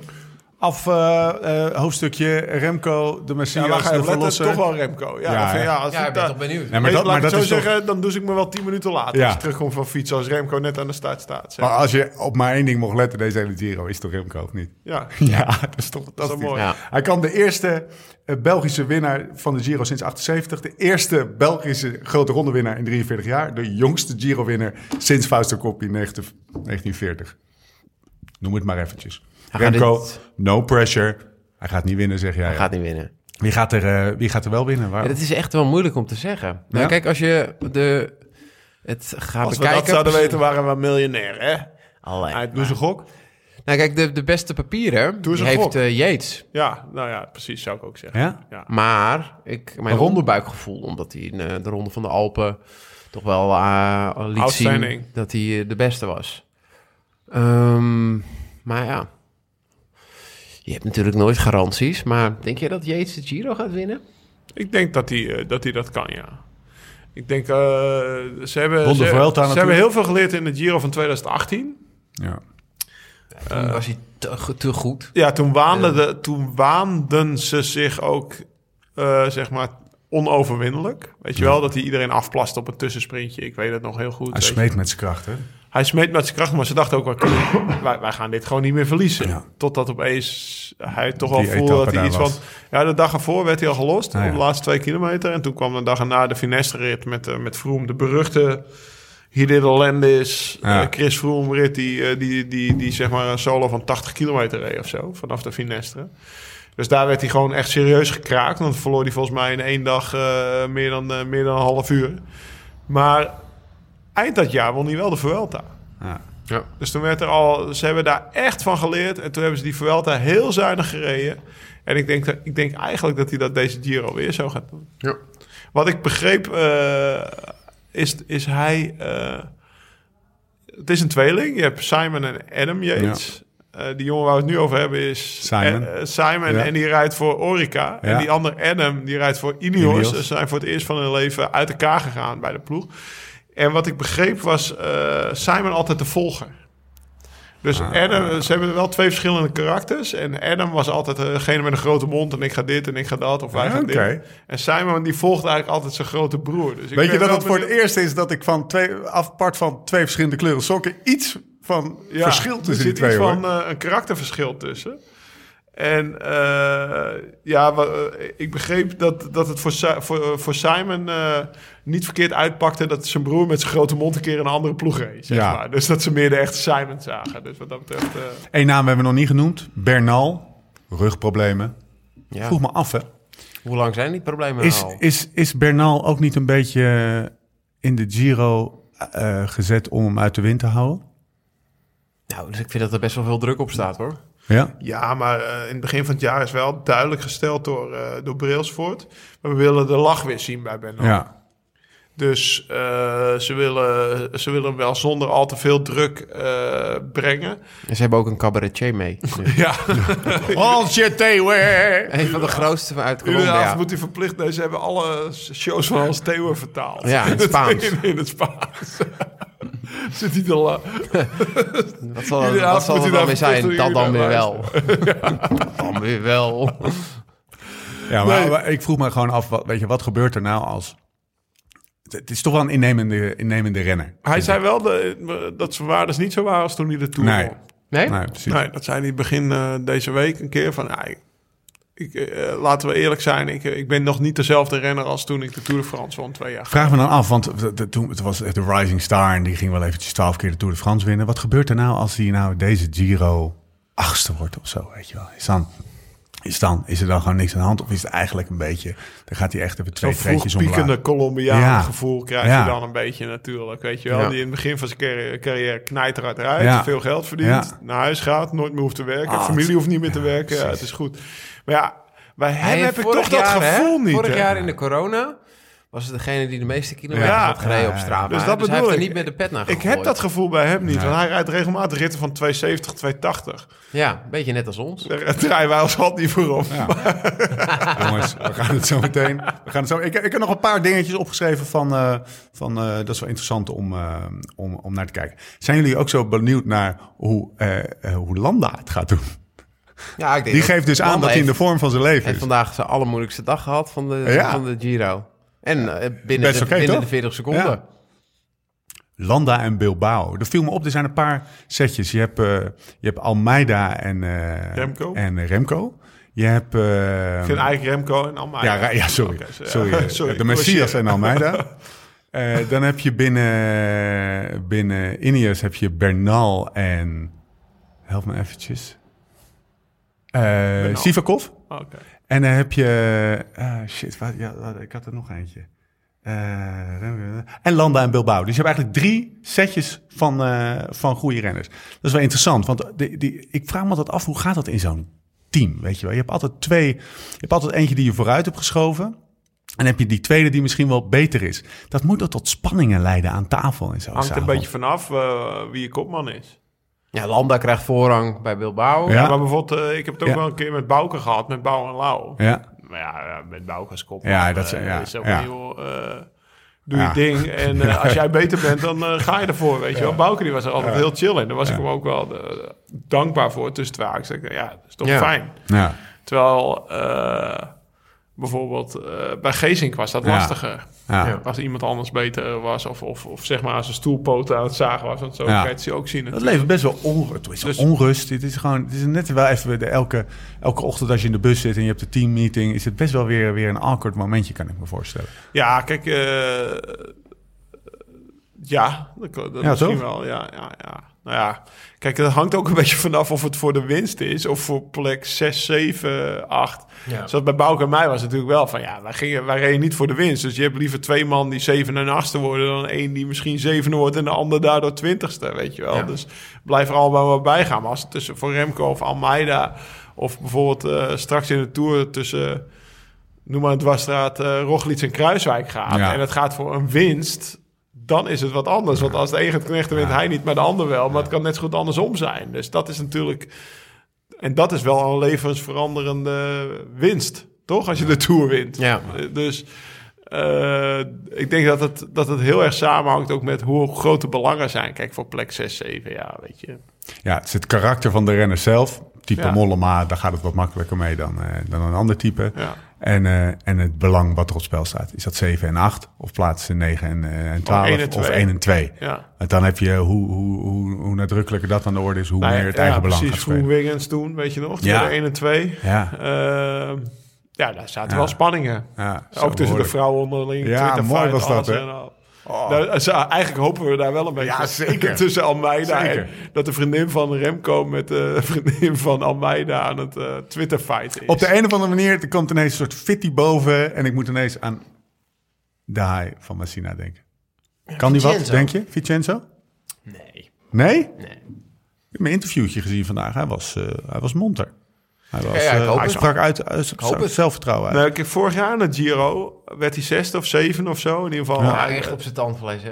Ja, maar toen, toen tweette hij al door zijn waardes en zijn tijden bergop... dat die net zo goed of beter Ja, ja, ja. waren als toen hij Giro's won. Het ligt Ja. niet aan mij. Ja. Dus zo van, ja, oké, ik hou mijn niveau nog wel. Maar de rest rijdt gewoon harder. En Ja. ik denk, dat is best wel frustrerend voor die oude renners van toen. Ja.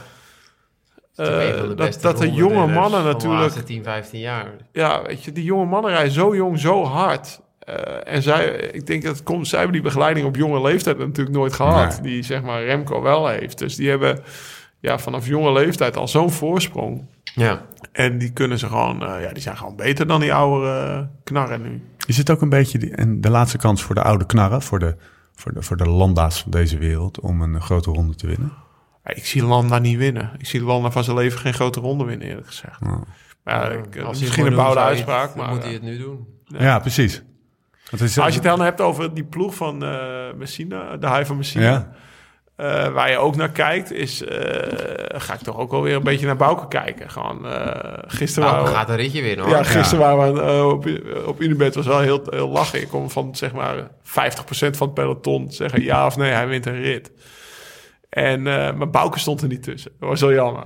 Dus eh, anders hadden we op ja gespeeld. Maar je kon bijvoorbeeld uh, wedden voor... met 5 euro ingezet. Ja, 3 euro. Ik eh, Nee, gaan de Nederland, ga, ga je, eh, zijn er Nederlanders waar je op gaat letten? En doe even dan niet... Groenewegen. En dan, ja? Ja, ik ben, ben echt benieuwd. We hebben die eerste sprint.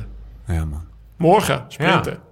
vandaag eigenlijk voor de luisteraar. Ja. Ja, nee, dat is... eh, Hij gaat zich er vol in mengen, ja, denk ik zat je? net toch te denken, stel je voor dat hij wint. Hoe gaat hij over de meet? Ja, geen Dat in de dingen. lucht. Nee, ja, dat soort dingen. Dat, eh, Nou, maar het begint al, ga je in de sprint mengen. Ja. zoals, Ja. zoals, ja? Ja. Jacobs eh, deed dat niet in Turkije. Nee, maar die is ook natuurlijk eh, gewond eigenlijk.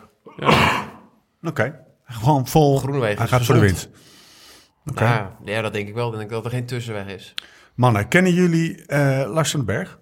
Wie? Lars van den Berg? Groupama FDG? Ja, ik Ik- heb ik wel eens namelijk van hem gehoord. Ik heb wel eens van zijn naam gehoord, maar wie, eh, hoe en wat. En, eh, het ik jou iets? ik heb één keer met hem gefietst. Ja? Nou ja, zijn vriendin woont volgens mij in Limmen. Hij debuteert eh, voor, eh, voor de eh, bij Groupama. Dus, en eh, nou ja, hij is natuurlijk ploegmaat van Ramon. Dus Ja. dan eh, neemt Ramon hem mee als introducee voor, eh, voor NAB, zeg maar. Dus we hebben één of twee keer met hem gefietst. Maar voor de rest ken ik die jongen ook niet. Dat was drie uurtjes. En, eh, Zit hij ook in de appgroep? Nee, Oké. Nee, want ik dat- zit daar ook niet in, hè, dus Nee, ik vroeg me even af hoe dat vanaf, gaat. dat is eh. vanaf, ook van eh, boven de rivier. vanaf hè, van 30.000 boven- kilometer per jaar. Oké. Gaan we niet meer komen. Gaan we niet meer komen. Eh, nee, maar zit jij niet in de F-groep? Zit je niet in de NAB-F-groep? Laten we die, die wond eens even open peuren. Nee, maar nee, hoe kom je daar eigenlijk in? Ja. Nicky, Ja, toch? De dictator. de- de- de- ja, de dictator. En het is ook wel handig als je zeg maar boven het ei woont. Oh ja. Ja, nou ja, dat Ja, is toch precies. een soort natuurlijke barrière. Zit Julius wel in de appgroep even voor mijn info dan? Jullie zit wel in. Oké, Die heeft maar- oude rechten. maar, maar waar staat mijn... Ja, dat is trouwens wel. Nou ja, goed punt. Goed punt. Dan goed gaan we punt. dit maar even over. Ja, ik ga het er even over hebben, Nicky. Misschien Thomas wil graag in de appgroep. Nee, dat heb ik niet gezegd. Het is alleen waarom ik er eigenlijk niet in zit. Vraag even of hij de ongeschreven regels heeft erin? Vraag. Ja, ik weet niet. eh, Nu, zet je me wel echt voor het blok. Ja, ik we weet niet zo goed even- wat ik ervan We moet laten even in verwachten. stilte. Denk er even, even over na. Het is wel een serieuze drempel die je even Ja. Nee, ja, dat is dan... eh, ja, als je dan toch voor je 40 nog een keer de Tour de France wil Ja. rijden, is misschien wel handig. Zou leuk kunnen. eh, ja, nee, oké. Ehm, zullen we het even hebben over, voordat we eh, naar de etappe van vandaag gaan, af, is er één etappe die eruit pikt, die iedereen vrij moet nemen, of in ieder geval Ja, op de bank moet ploffen? Eentje? Jij Zonkeland eentje? toch? Zonkelan? Ja. Niet van de, van de niet van de, de kant, de, de Ja, ik Zonkelan dat je kant. wel die- een paar keer vrij moet nemen hoor, als je een wielerliefhebber eh bent. Zonkelan, Ik denk dat trouwens iedereen door corona nog wel thuis is. Ja, precies. Ja, maar die bergrit in de 24 Giro. mei. Ja, jongens, we hebben 24 mei etappe 16 de hoogste berg, dat is de, de Pas Bordeaux. En dan 29 en 30 mei, 29e etappe 20, voorlaatste etappe, loodzware Alpenrit. En dan hebben we ook nog die mooie eh, eh, tijdrit. eh, 29 in, eh, kilometer. in, eh, in Milaan. Eh, mooi bruggetje naar degene die we even hopelijk... eh, Dat is zo de enige tijdrit nog, hè? Na Ja. vandaag. Ja, Viel me wel op, ja. 39 kilometer. Vorig jaar waren er volgens mij drie. Toen was het toch parcours... eh, Ja, en natuurlijk, daar wil ik wel heel even bij stilstaan, Lau. Want dat is een hele belangrijke. Eh, woensdag 19 mei, etappe 11. De wijnetappe. Ze komen langs, hè? Ja, ze gaan... eh, nou ja, de, maar ze ik, komen ja, langs. ik ging die etappe zeggen. Ze gaan natuurlijk door eh Bogel, of, uh, Bogelecki en Chianti, Bogelecki En om en eh, hoe heet ons restaurant? Lucarelli, Lucarelli. de Ja, Panzanella. laat ze, ja, precies. Ze Ze komen komen er dus, gewoon langs. als je het hebt over een etappe waar ik naar ga uitleggen, dat is de etappe door Toscane, Siena, waar Ja. wij altijd, waar, ja, waar ik iedere keer, ja, een keer kom. En bij deze, als ik unbound, eh, eh, als ik rebound rij, Ja. Zitten wij dan gewoon Ja. dan daar in Bij deze Italië. afgesproken. Bij deze afgesproken. En dan eh, knallen we wel eh, in de auto naar Italië. Dan gaan we gewoon de hele dag op dat terras zitten daar. En als ze dan langskomen, dan komen ze uit uh, Greve, Panzano, gaan ze naar Castellina. En dan doen we even, kijken we even over dat hegje zo op het terras. ja, hup, hup, hup. Hup, Bouke. Hup, Bouke, hup. En dan gaan we weer, kloek, kloek, gaan we weer door. weer wijn drinken. Gaan we weer wijn Nee, maar dat is gewoon de, stre- de streek van, eh van Strade Bianchi, van Heroica, Ja. van, eh, van, de, van het oude fietsen. En dat is zo mooi daar, weet je wel. En Etappe 11, eh, 19 eh, mei. Ja, dan zie ik mezelf gewoon lekker op de bank liggen, been omhoog. En gewoon een beetje naar de plaatjes kijken. Want eh, wat er gebeurt maakt niet zoveel uit. Maar je gaat Nee, gewoon naar de plaatjes gaat om het decor. Ja. Ik kijk vooral uit, en dat, niet, dat is niet om, in, de, in, het, in de laatste plaats om degene die wij eh, nu gaan bellen. En tijdens de eh, Giro eh, vaker gaan bellen. Onze, onze eyes and ears on the ground. Naar zondag 30 mei, etappe 21. Hij was vandaag al echt sterk. Dat belooft nog eh, heel veel. Ik hoop niet dat, ze- dat hij alleen maar zijn ballen eraf moet rijden eh, in de, in de komende weken. Maar dat hij ook nog een beetje iets overhoudt voor, eh, voor de laatste dag. We gaan hem gewoon bellen. Jos, Jos van Emden.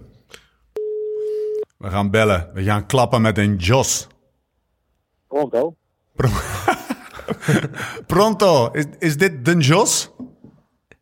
Si, si, si, si. Hey, Jos. Hey. Met, eh, met, eh, met Hey. Thomas en Lau en Stefan. Zo. Ja. Is wel wat. Ja, een soort conference call. Sterkte. Hoe is het? Ja. Ja, goed eigenlijk wel.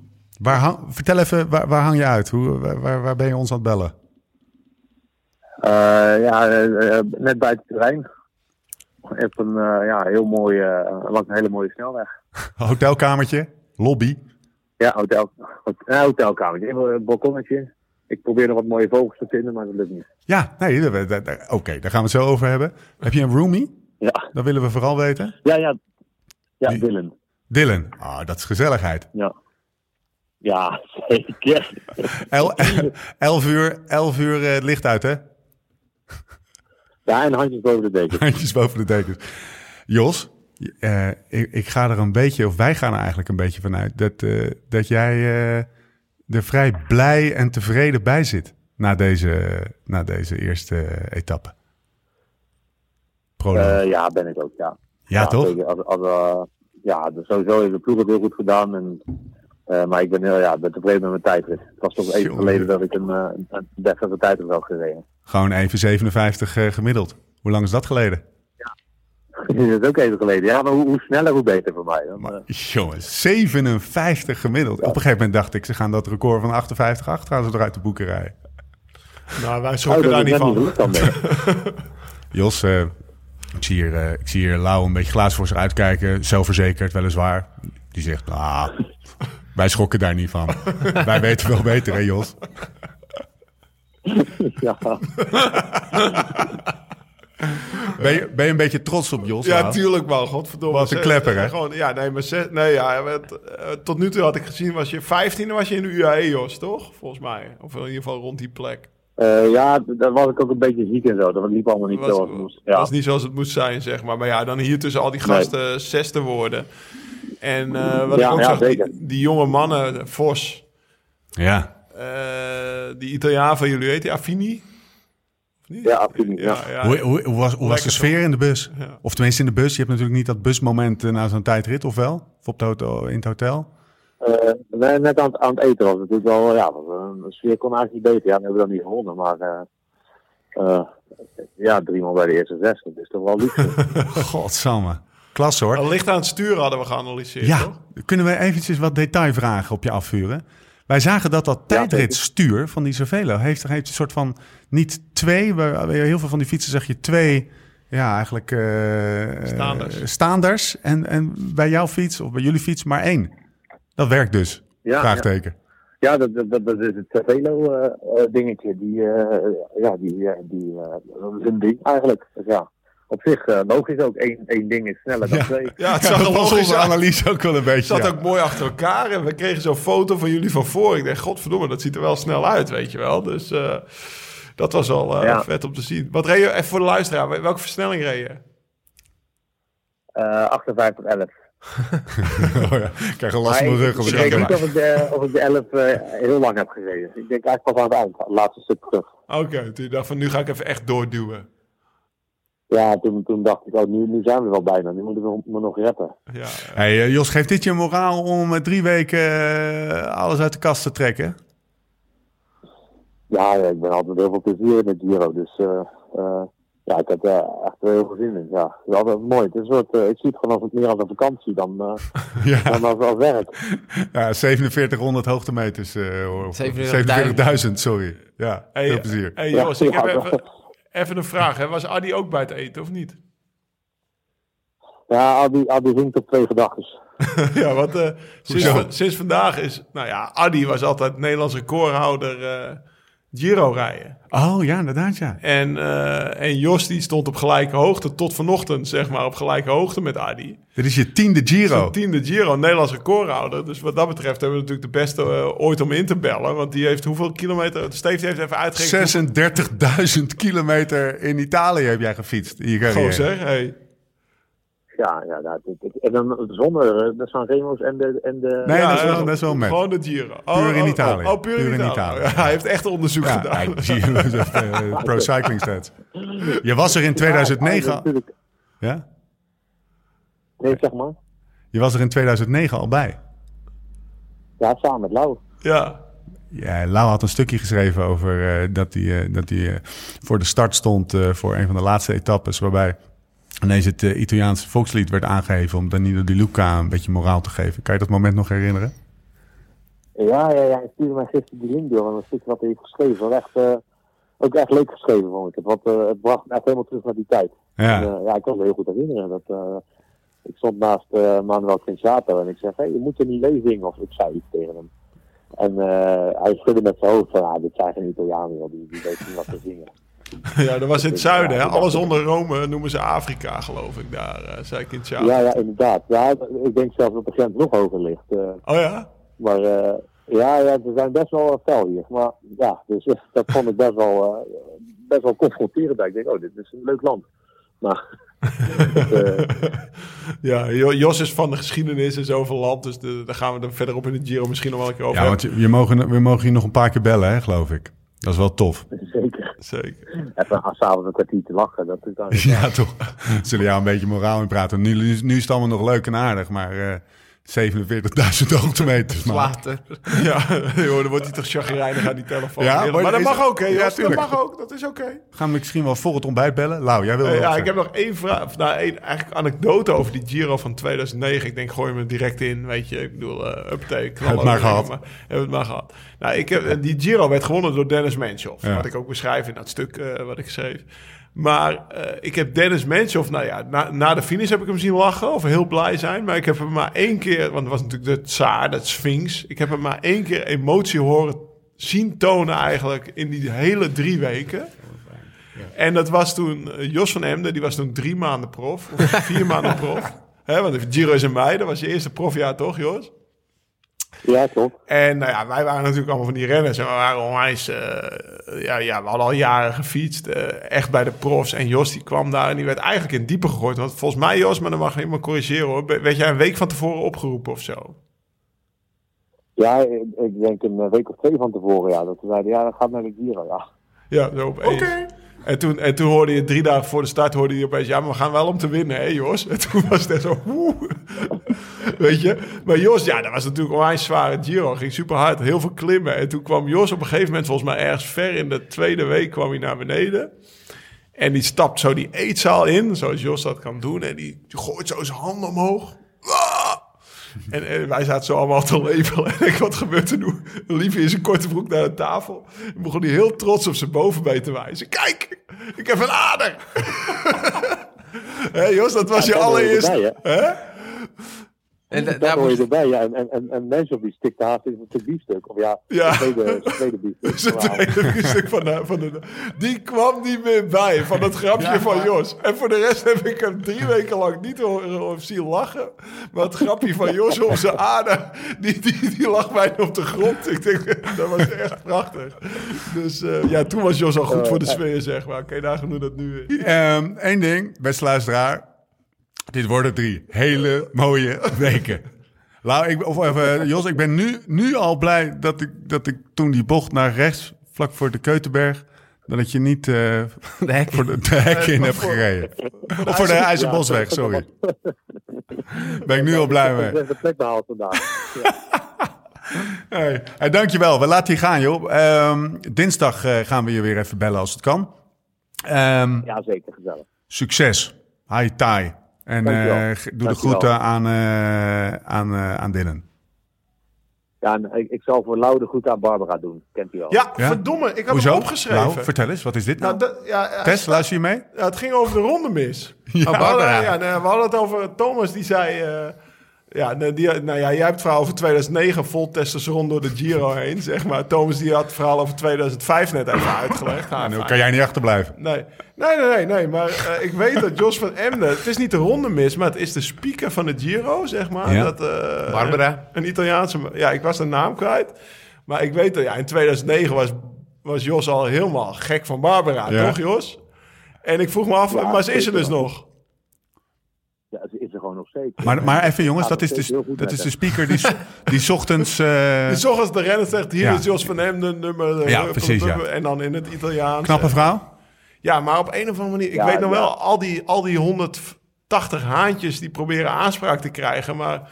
Nou, als jij daar dus in 2009 voor het eerst daar in Italië bent, dan was ik ook toen voor het eerst. Nou, Ja. ik, eh, wordt met geen blik waardig, geen blik, ze me met geen blik waardig. Maar jou kent ze inmiddels wel, of niet, joh? Ja, ik ben ook een aantal jaar geleden nog eh, eh, ben ik met haar op de foto gegaan. Toen, eh, je moet dan altijd zo je, je, je krabbeltje zetten op het podium. En Ja. ja, dan eh, praat zij, zij praat de hele dag door. En eh, ja, toen, toen eh, moest ik toch eventjes mezelf vermannen, maar ik heb gevraagd of ik met haar op de foto mocht. En toen, toen werd zij dus gewoon een beetje nerveus. Dat vond ik super mooi om te zien. Lekker. daar zijn zelfs nog beelden van. Dat, eh, iemand heeft dat gefilmd voor mij. En ik was toen echt gewoon, super. Helemaal het mannetje. dus, eh, maar het is, het is- er stond er vandaag weer, ze stond in een heel mooi zuurstokroze eh, pak, stond ze weer eh, paraat. Ja, ze heeft al zo'n broekpak aan, hè? Ja, oh heerlijk. We gaan er googlen. Eh, Ja, het is, het is wel ja, groot ja, op Instagram, hoor. maar. Ja, grote op Insta? Ja. Oké, we gaan er googlen. We gaan er op Insta checken. zij heeft ongeveer de. Zij, zij, zij is in staat om de hoogste naaldhakken van de wereld te dragen. Nice. We zaten, ogen zaten- dicht iedereen die, eh, ogen dicht en eh, Ja. we zagen het even Zetten we in de podcast thuis. Jos, succes. Hele mooie tijd. Groeten daar. Hou je taai. Bellen je dinsdag. Goed aan Barbara. Ciao, ciao. Ciao. Buonasera. Buonanotte. Skoda, Live Slow Ride Fast partner van het eerste uur. En vooral, net als wij, gek van wielrennen. En sinds dit jaar ook trotse partner van Team Jumbo-Visma. En dus van Jos. Met recht het automerk voor wielrenners en wielerfans. Bekijk alle modellen, zoals die gave volledig elektrische Enyaq iV op skoda.nl. En eh, je fiets past trouwens gegarandeerd achterin met gemak. Ga dat checken. Skoda.nl. Door met de show. Mooi. Dat worden drie mooie weken met Jos. Ja. Ja, Dat wisten we. als hij hier even de standaard zet, dan... eh, ja, toch? Of moeten we zeggen Spiderman?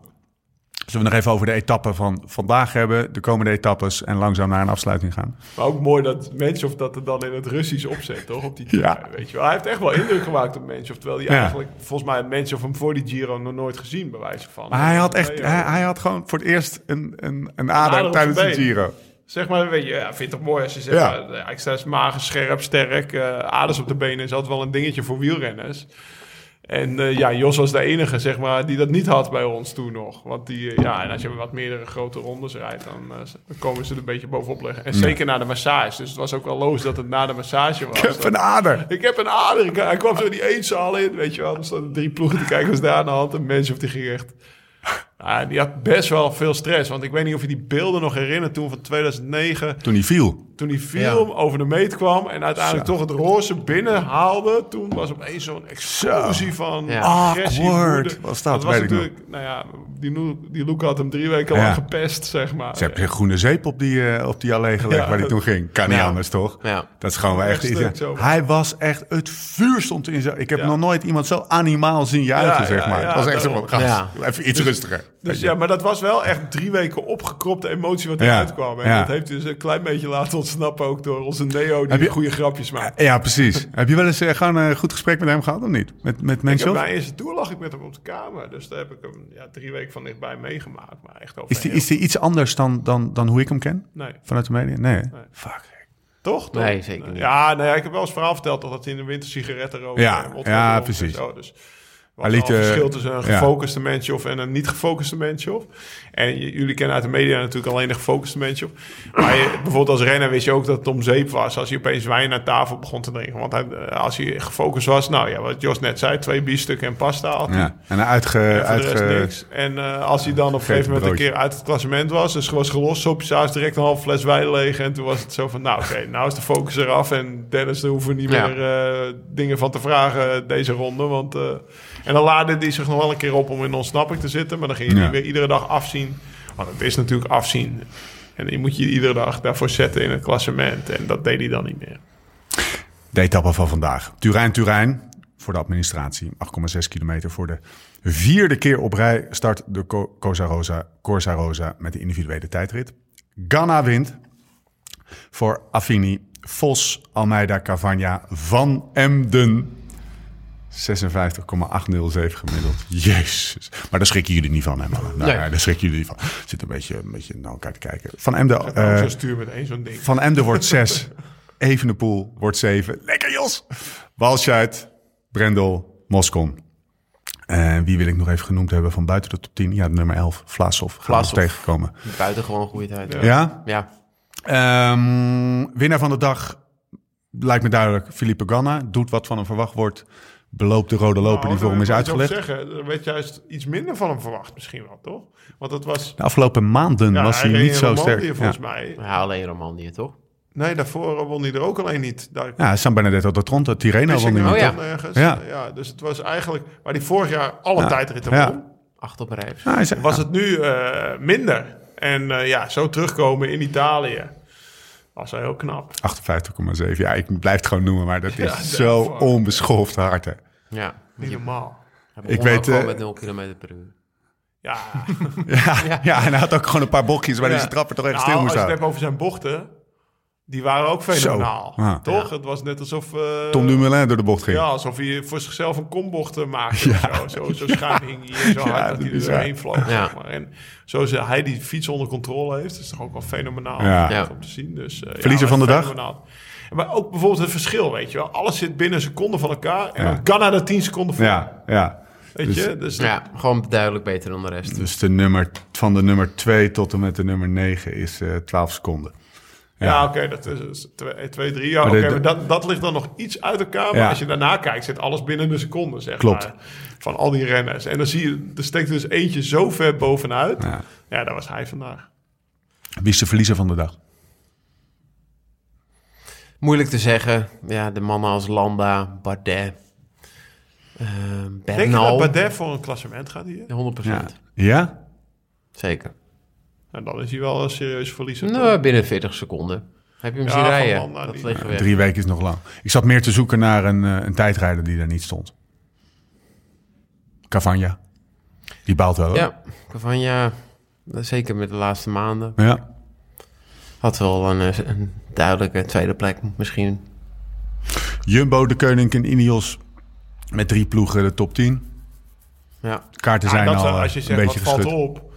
Dat de, dat, de twee, eh, dat de drie ploegen de top 10 domineren, Ja. zeg maar. Met, eh, met meerdere renners. Dus Ineos, Jumbo, Jumbo, de Koning, de Koning, Jumbo, de Koning. En dan heb je Walscheid voor Quebeca, uh, Brentle voor Israël, eh Startup Nation. en dan weer een En weer Ineos, Ja. Moscon. Dus eh, ja, dat, dat- is toch wel verpand dat je tegenwoordig van die clustertjes ziet. Nou ja, Ja. en dan, eh, als je dan nu vandaag in Jumbo, Ineos of de Koning rijdt, dan is de sfeer aan tafel lekker. Ja. Weet je wel, iedereen is blij die, die bij de eerste tien rijdt. Want dit is ook typisch een tijdrit in zo'n Giro-proloog. Daar gaat niemand rustig aan doen. Nee. 8, 9 kilometer. Je, ja, morgen moet je starten. Dan gaat niemand denken, nou, ik ga vast even krachten sparen. Nee. Weet je wel? Dus iedereen rijdt echt wel voor wat hij waard is. Dus dat geeft me aan hoe, hoe hoog het niveau van die ploeg ook is. En hoe goed het materiaal. Vond je het leuk vroeger? Prologen? Ik vond het wel leuker dan echt een lange tijdrit. Het was er sneller vanaf, zeg maar. Ja. Dus eh, Dus het legt het verschil in Ja. tijdrit, eh, het, eh, kilometer of in tijdrit kwaliteiten wat minder bloot. Is dat ook een beetje wat je zegt? ja, misschien ook wel. Weet je. Zo, wat- Dus, ja, ja, ja. Kijk, als Zag je er tegenop? Dat is meer je Nee, tegen een proloog Nee? zag ik nooit echt op. Nee, nee. het is ook zo voorbij, hè. Jij? Jij, maar ja, dit was een prooi voor jou toch altijd? Ja, hier was ik goed in. 8, 9 minuten, vlak. Was dit een kolfje naar je hand vandaag? Nou, met Je, iemand zoals je weet welke aan- vraag er gaat komen, hè, Thomas. Waar ik Nee, gewoon heel benieuwd naar ben. Waar jij, waar jij, waar was jij? Let's put your money where your mouth is. Waar was jij, denk je, welk, ge- hoe snel had jij over dit parcours kunnen gaan, denk je? vroeger mijn goede tijd? Nee, nu vandaag. Of vandaag? Ja. op een tijd, we zetten je op een tijd. Geen idee, Ja, dat, man. is, dat is flauw. Wel boven de 50 per uur, denk je? Of zoals land. Ik denk het wel, hoor. Zo. Boven de 50? Ik denk wel boven de 50. Verline was nummer 20, had 55 gemiddeld. Ja. Jezus Ja, nee, maar dit is echt gigantisch hard gereden. Flauw vraag. Ja, ja. Flauw vraag, sorry Thomas. Zullen we naar de, eh, zullen we naar de, eh, de komende etappes gaan? We zijn er dinsdag weer. Dat betekent dat, eh dat zon, dat zon, die zit hier. En voor de luisteraars die nu denken, ah, vind ik echt super zielig dat je Thomas die vraag stelde. Er zitten hier twee gasten tegenover met een grote bek, jongen. En die zijn de partij zelf verzekerd. Die gasten kunnen wel wat hebben. Eh, dinsdag spreken we elkaar weer. Dat betekent dat we de etappe van morgen hebben. Dat is een sprintersetappe naar Novara. Laatste 70 kilometer helemaal vlak. Wordt gewoon lekker sprinten. Belangrijkste is, gaat, eh gaat Groenewegen, daar gaan we op letten. Gaat Groenewegen zich in het eh Ja, we hebben de sprinters gedruis. nog niet echt besproken. Nee. Nou, daar kunnen, daar kunnen we dan... eh, ja, Caleb. Ewan, ik denk dat dat Ja. ook een van de Ja. grote... Ja. eh, grote want die wil, die wil eh, Heeft hij, wel leuk, heeft hij afgelopen week gezegd hè, dat hij die gaat dit jaar alle drie de grote rondes Ja, rijden. hij zegt, tapt in elke ik, eh, in Ik elke- zie nog wel welke ik afstap, want dan gaan ze niet alle drie Nee. uitrijden. Dat is Dan gaat de Giro niet uitrijden hoor. Nee, hij gaat, ze, hij gaat misschien Giro Tour en Vuelta niet uitrijden. Maar hij zegt wel, ik wil ze, in alle drie wil ik wel minimaal een rit winnen dit jaar. Ja, In hetzelfde jaar. Nou, een beetje, een beetje cheapo-stijl, weet je. Als je Ja. de Tour na een week een rit Ja. op zag hebben, gaat hij op za- strand liggen, wacht hij tot de Vuelta om daar weer een ritje op zak te steken. Mooi. Nou, daarmee is overigens de vergelijking wel meteen afgedaan Ja. tussen die twee. Met alle respect, eh, Caleb. Maar Ja, ja, Chipo die won ook zo race, Ja. weet je. Dus, eh, Zie je, Chipo- wat- WK. Die werd tweede. Won- won ook WK, Ja, hè? ja. het is wel lachen, want morgen Hij komt, werd eh, tweede toch, dit jaar, Caleb? ja. komt, morgen komt Caleb Ewan komt in een eh, wit gewaad met een, met een krans op zijn hoofd. Komt hij komt hij in, Ja, maar ook als je... bij Barbara. Zo'n spierpak. Met allemaal die spieren. Heel klein spierpakje. Nee, maar als je dan nog naar de sprinters kijkt... David Dekker? eh, ja, ik denk toch dat... eh, dat we wat de kaart de Groenewegen dat- moeten gaan trekken. Dat, dat de kaart Groenewegen is. Kijk, hij was in, in principe eerst aangewezen man... en toen werd Groenewegen tussen gezet. Maar wel een eh, goed duo misschien. Om elkaar te helpen. Ja, ja, Of, eh, zeker. Ja, daarom. En, eh, Ik heb altijd geleerd, sorry dat je ontbreekt. Ik heb altijd geleerd dat, een, eh, een, eh, dat David Dekker is gewoon een sprinter. En dat is daarmee niet per, per definitie een goede lead-out man voor de ander. ja, Zit dat, met twee kijk, ze zeggen sprint altijd, specialisten tegenover me. ja, wat Ja, je ik weet het van horen zeggen, weet je wel, gaat de sprint te explosief aan en zo'n Morkov, die trekt hem natuurlijk Ja. heel Ja. langzaam op. Ik, ik, ik heb wel het idee dat zo'n David Dekker best wel koers slim ventje Ja. is. Ja, Die dat best wel snapt, zeg maar, weet je wel. Net zoals eh, Lars Boom was ook wel altijd wel koersslim, zeg maar. Ja. Hij wist ook wel hoe hij met een kopman rond moest rijden. Eh, Viviani bijvoorbeeld, hoe ver is die weggezakt? Want daar, Ja. hebben, daar hebben we het helemaal niet over. Maar eh, Gaviria. ja. ja, hetzelfde ook. Toch eigenlijk dat hij... Ja, die heeft ook al jaren geen koers meer gewonnen, denk je dan, weet je wel. Dus, Sagan. Gaat hij voor de etappes of gaat hij voor de, voor de, nou ja, voor er zitten best wel wat van die Sagan-ritten tussen. Ja. Dat Bora het sp- het spel weer op de wagen gaat ja. Want deze was natuurlijk vorig jaar in het Giro. Dat het een beetje een lastige rit is. Dat ze, alle, dat ze de Caleb Ewan's en de Dylan Groenewegens gaan proberen te lossen. Zodat Sagan de snelste van de overgebleven 60 Ja. man is, zeg maar. Dat soort ritten gaan we misschien ook ooit krijgen. En dat is wel heel mooi hoe Bora vorig jaar koerste. Vier tot zes sprintetappes zouden er eh, tussen moeten zitten. We gaan het, eh, we gaan het checken. Dus dat is ehm, eh, morgen. Dan hebben we maandag Biella. Als ik zeg Biella. Ja, ik weet het. het. Dat is waar de, hoe heet die? De, de klim in 2018 met Dumoulin. Shit, oh, ben ik hem kwijt. Eh, Mora, nee. shit.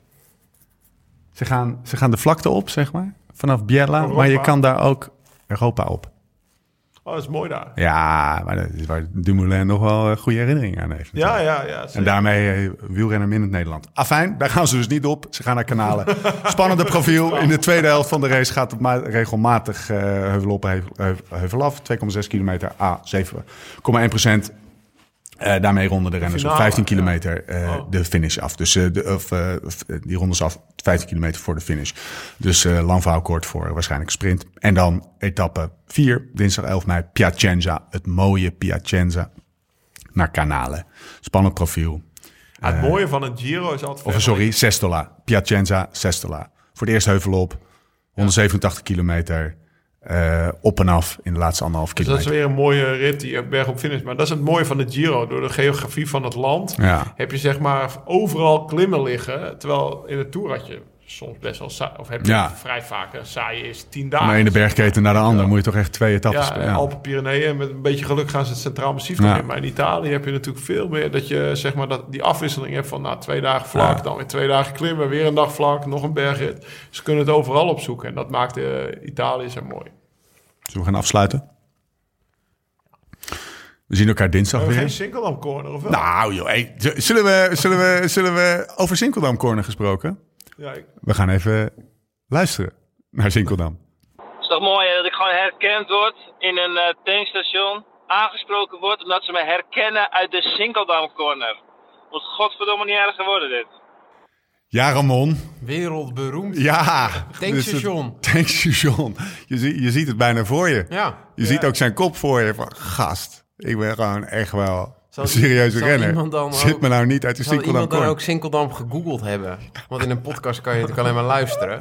En dan hem, hem, hem herkennen bij een Ja, benzinestation. dat is Ramon van de Sinkeldam. We hebben een nieuw bumpertje, denk ik. Hè? Nieuw, nieuw Sinkeldam itemtje. Corner. Sinkeldam Corner. Maar wij- eh, ja, jij hebt wel een paar keer gezegd, hebben we het zo nog over? Maar ik weet... eh, David Dekker heb ik het over gehad. Eh Sagan heb ik volgens mij geroepen, hebben we het ook over gehad. Niks in de Sinkeldam corner. Nou ja, ik zie jou met een pen, ik zie jou met een pen en Ja, een wit blaadje voor je zitten. Wout Misschien, heb jij, heeft een boek geschreven tijdens deze misschien heb jij er wat opgeschreven of getekend. Nou, het ging over de Passo Pordooi, hè. De, wat je Ja. zei, de Oosterrit. Ja. Er staat wel op een blaadje. Ik heb daar wel een keer rondgetraind en er staat dus één hotelletje bovenop. En toevallig, kijk Thomas, als je bij NAB wordt aangenomen... Ik hoorde dat Nicky en Renier daar op hoogtestage gingen in september. Dit jaar? Ja. Voor Roubaix. Eh, ja, in september voor, ja, voor WK Roubaix, zeg maar. Dus, Hebben eh, wij nog iets dan? dus nee, nee, maar ik kan het Het zou beter worden, toch? Ah, ja. De basis voor het jaar erop leggen. Ja. Oh, het, net het strandseizoen. Nee, ik... eh, ik- Hij is Nee, aanwezig. maar dat, dat, dat is dus wel grappig. De, als je het hebt over, zeg maar, Passo. Ja. eh, over, over mooie plekken om op hoogte te gaan. Dan hebben ze die wel uitgevonden, zeg maar. Dat is, super mooi daar. En eh, ja, dan hoor je toch niet vaak dat mensen daar op hoogte gaan. Ik ga iets heel eh, stoms zeggen. Of tenminste iets heel... eh, misschien is ik bij me Waarom naast. Dolomieten, toch? Passapordooi, is de Dolomieten? Eh, dat is in de buurt van, van Corvara. Covara, ja. Dolomieten. waar je dan die Sella Ronda Ja, hebt. ja, dat is de Ja. Maar je kan daar dus naar eh Trecime de la. Ja. Weet je wel, dat, waar, waar Rico een keertje... En de boel op stel te zetten. En Merckx een keer. En Cortina da staat Ja. daar en zo. Dus dat is super mooi. ik, ik ben er dus, ja, jullie natuurlijk wel. Ik ben echt elke wielertoerist, zeg maar, die ik spreek en daar geweest is, zegt dat is, dat is, dat is, echt, dat is ja, echt fantastisch. Dat is echt mooier dan de Franse Alpen, zeg maar. Ja, Maar de Dolomieten schijnen iets anders te zijn. Ook een soort andere steensoort. Ja. Ik heb daar met een Ruig, mensen uit de Dolomieten gepraat. Eigenlijk moeten we het Jos gaan vragen. ja, Tegen die tijd. ja. Onze dat- on the ground. ja, ja, maar dat is echt wel... eh, dat, is, eh, dat is iets anders dan de Alpen en de Pyreneeën. Dat Ja. merk je gewoon als je er bent. Ja. Ja. Eh, Oké, ingekomen post. Ehm, van, eh, moet ik even goed zeggen, Thijs de Jong. Die stuurde ons een fragment uit het boek De Kunst van het Sprinten. Dat ging naar aanleiding van die sprint van het Pitcock tegen Van Aert in de Amstel. Stuurde een, eh, stuurde een, een foto van een, een pagina. Dichter op het wiel. Mijn bidon is nog voor de helft gevuld. Staat op de pagina. Kan ik hem niet beter weggooien? Dat scheelt toch weer gewicht. Zometeen in de sprint. Ik vind het altijd mooi als sprinters zich voorbereiden op een sprint. Ze schudden hun spieren los, doen hun shirt dicht, gooien hun repen weg. Trekken hun bandjes aan en bam, exploderen. Ik heb dat Laurens ten Dam nog nooit zien doen. Is dat gedrag van een echte sprinter? Het komt, is een fragment uit het boek De Kunst van het Sprinten van Martin Brons. Hey, pak die maar mee ten Ik wil Dam. dus gewoon als anti-sprinter wegzetten. Ik heb dat Laurens ten Dam nooit zien doen. in. Maar je mag tegenwoordig ook geen reepjes meer weggooien en bidonnen. Dus ja. Mensen, check voordat we dat hele verhaal. Daar ben ik trouwens wel benieuwd naar of dat in de, in de, in de grote ronde. eh, Hoe dat zit. Als deze, of, dat- of dat nog zo nauw, nauw wordt, eh, wordt eh, opgevolgd. Volgens mij zijn ze wel iets losser geworden. Nee, het Nou, zit zo. Je wordt niet meteen eruit gehaald, Precies. gedisqualificeerd. Dus je wordt... eh, de tweede keer krijg je of een boete of de hele Ja. ploeg wordt. Zoiets, ja. Je krijgt twee of drie waarschuwingen, Ja. zoiets. nou, Ja. we gaan het meemaken. Lekker super Jos, Jos. Jos, Jos. super tukkie met die hap. Check wijnvoordeel.nl slash live slow ride fast. Wijnvoordeel.nl slash live slow ride fast. En pak met de code podcast. Dus die mooie korting. Wees er snel bij. Twee dozen. De winnaar. Nog een administratief eh, dingetje. Van de eh, twee keer vijf plaatsbewijzen of inschrijven, startbewijzen voor de toertocht van de Amsterdam Gold Race. Eind Daar werden we September. op gewezen, hè? zo. Ja, Ja, onze laatste pot helemaal vergeten de prijswinnaars bekend te maken. die hebben we. Die hebben we gewoon hoor. En ik ben de hele? Remram 500 Welke plek heeft opmerkingen binnen. Mollema? Precies. Welke eh, positie gaat Bouke eindigen in de Amsterdam Gold Race? Eh, wat is die geworden? 64ste. Op 2, eh 17 van Wout van? Aert. Niemand had het goed. Dus die 5 keer 2 startbewijzen voor de toertocht. Die gaan, naar, eh, die gaan naar onze eigen vrienden. Jelle, je- Jelle. Hossel, we gaan naar Amsterdam. Geintje natuurlijk. Ik heb de, de vijf dichtst, eh, zeg maar de, de beste antwoorden heb ik eruit gepakt. Bob de Voogd, 61ste zei jij. Jelmer van der Meer, 72ste, riep je. Caspar K, 1991, 68ste. D. Berghoff, 46ste. Thomas Koershuis, Koerhuis 45ste. En als reserve, dus als die, als die niet reageren, hebben we een reserve. Tim Lutgendorf. Als er iemand verzaakt, jij zei 43ste, dan... En hoe lang dan, hebben ze dan? Dan, eh, dan eh, komt het berichtje met ze Eh, een goeie, laten we zeggen, tot en met, Zeven de dagen? volgende, tot en met de volgende aflevering. Oké, een beetje strak. houden. Ja, een beetje Ja. scherp houden. Nee, goed. Stuur maar even Mooi. een berichtje, want dat, dat checkt meteen leuk- of ze een wel, dimensie voor ons. of ze wel Hebben wij ook een soort van spanningsboog?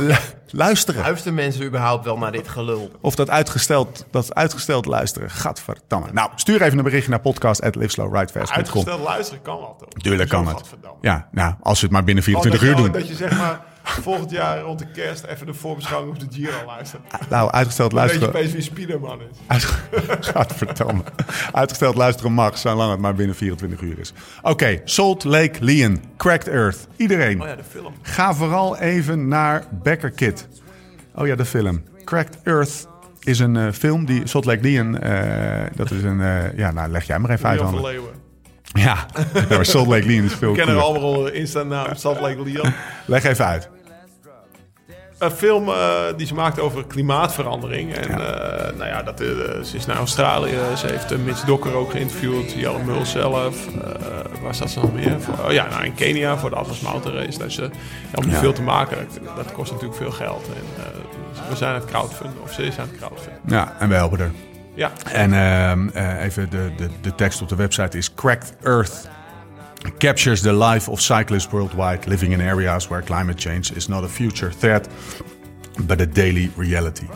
Check even beckerkit.com en we zullen in de notes, die je overigens kan vinden in de podcast app, als je even naar beneden swipet, dan zie je ook notes en daar zullen we dan wat linkjes op zetten om, eh, om dat eh, gestalte te geven. Je support voor deze film. Ja? Eh Single hebben we gehad. Vergeet niet een kijkje te nemen op lsrf.cc. Eh dank Skoda voor de, voor de support. We zijn er doorheen. Nou, Thomas. redelijk veel besproken. Zo, Hè? drie weken. Gevoelige onderwerpen, leuke anekdotes. Eigenlijk staat alles wel in deze podcast wat erin moet zitten. En dat allemaal met de fiets van Alberto Compador. Vedo, Vedo, Vedo. Bij jou op de achtergrond. En wij zijn nu in Leuven. Ja? En ik had vandaag een geweldig idee. Nou, Weet je wat Lau en ik morgen gaan doen? chocolaatjes. Wij gaan op de fiets naar huis. 58 Oh, ja. gemiddeld. Ik dacht, ga dan bellen. 58,9 gemiddeld. Want wij kunnen dat wel. Het lichaam van jullie kan dat hartstikke goed aan. Eh, ga dan wel even langs... eh, Chocoladeatelier Stuiven. Ja, dan moeten we... We gaan niet te veel omrijden, Lau, met die afstanden. ik weet niet hoe laat jij thuis wil zijn. ik zet hem er wel even in. Ik zet hem er wel even in. Het is een highlight hier in Leuven. Oké mannen. 12 Eh, tot de volgende keer. Dat gaat zijn woensdagochtend. Heel vroeg in je feed. Eh, tot de volgende keer. En voor de tussentijd. Live slow, ride fast.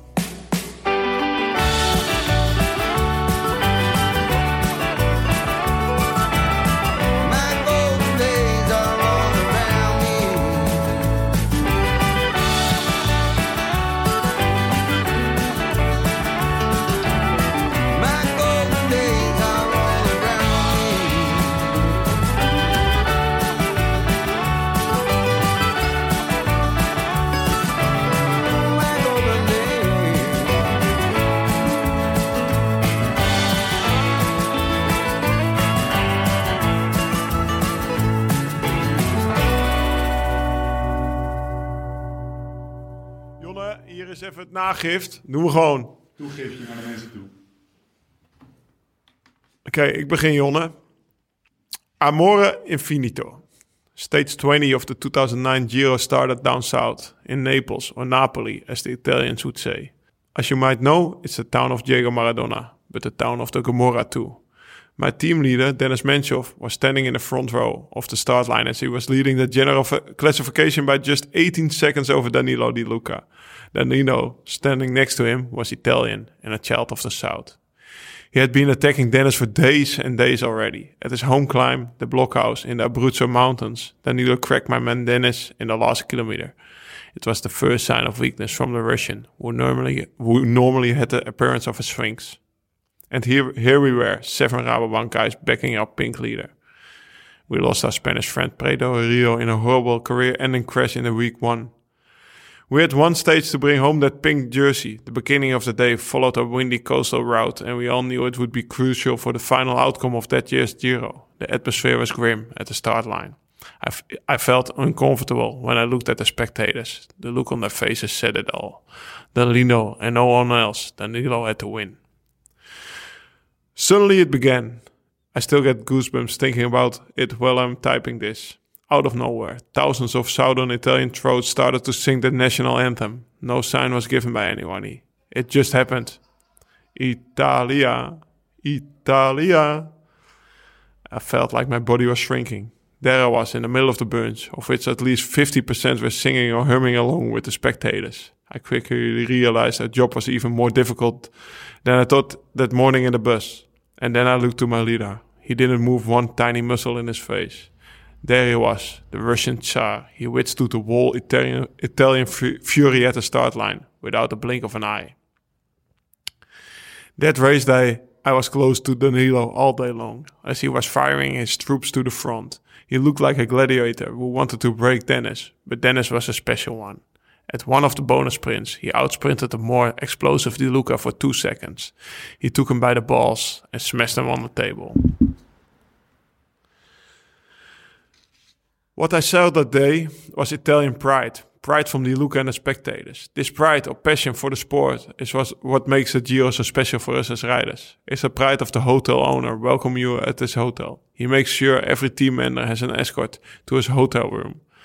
At nighttime, the owner oh, will rate his wine cellar and pick his best wines to serve. Typically, the food for the team staff, which is prepared by the hotels, will outdo the rider food prepared by our own chefs.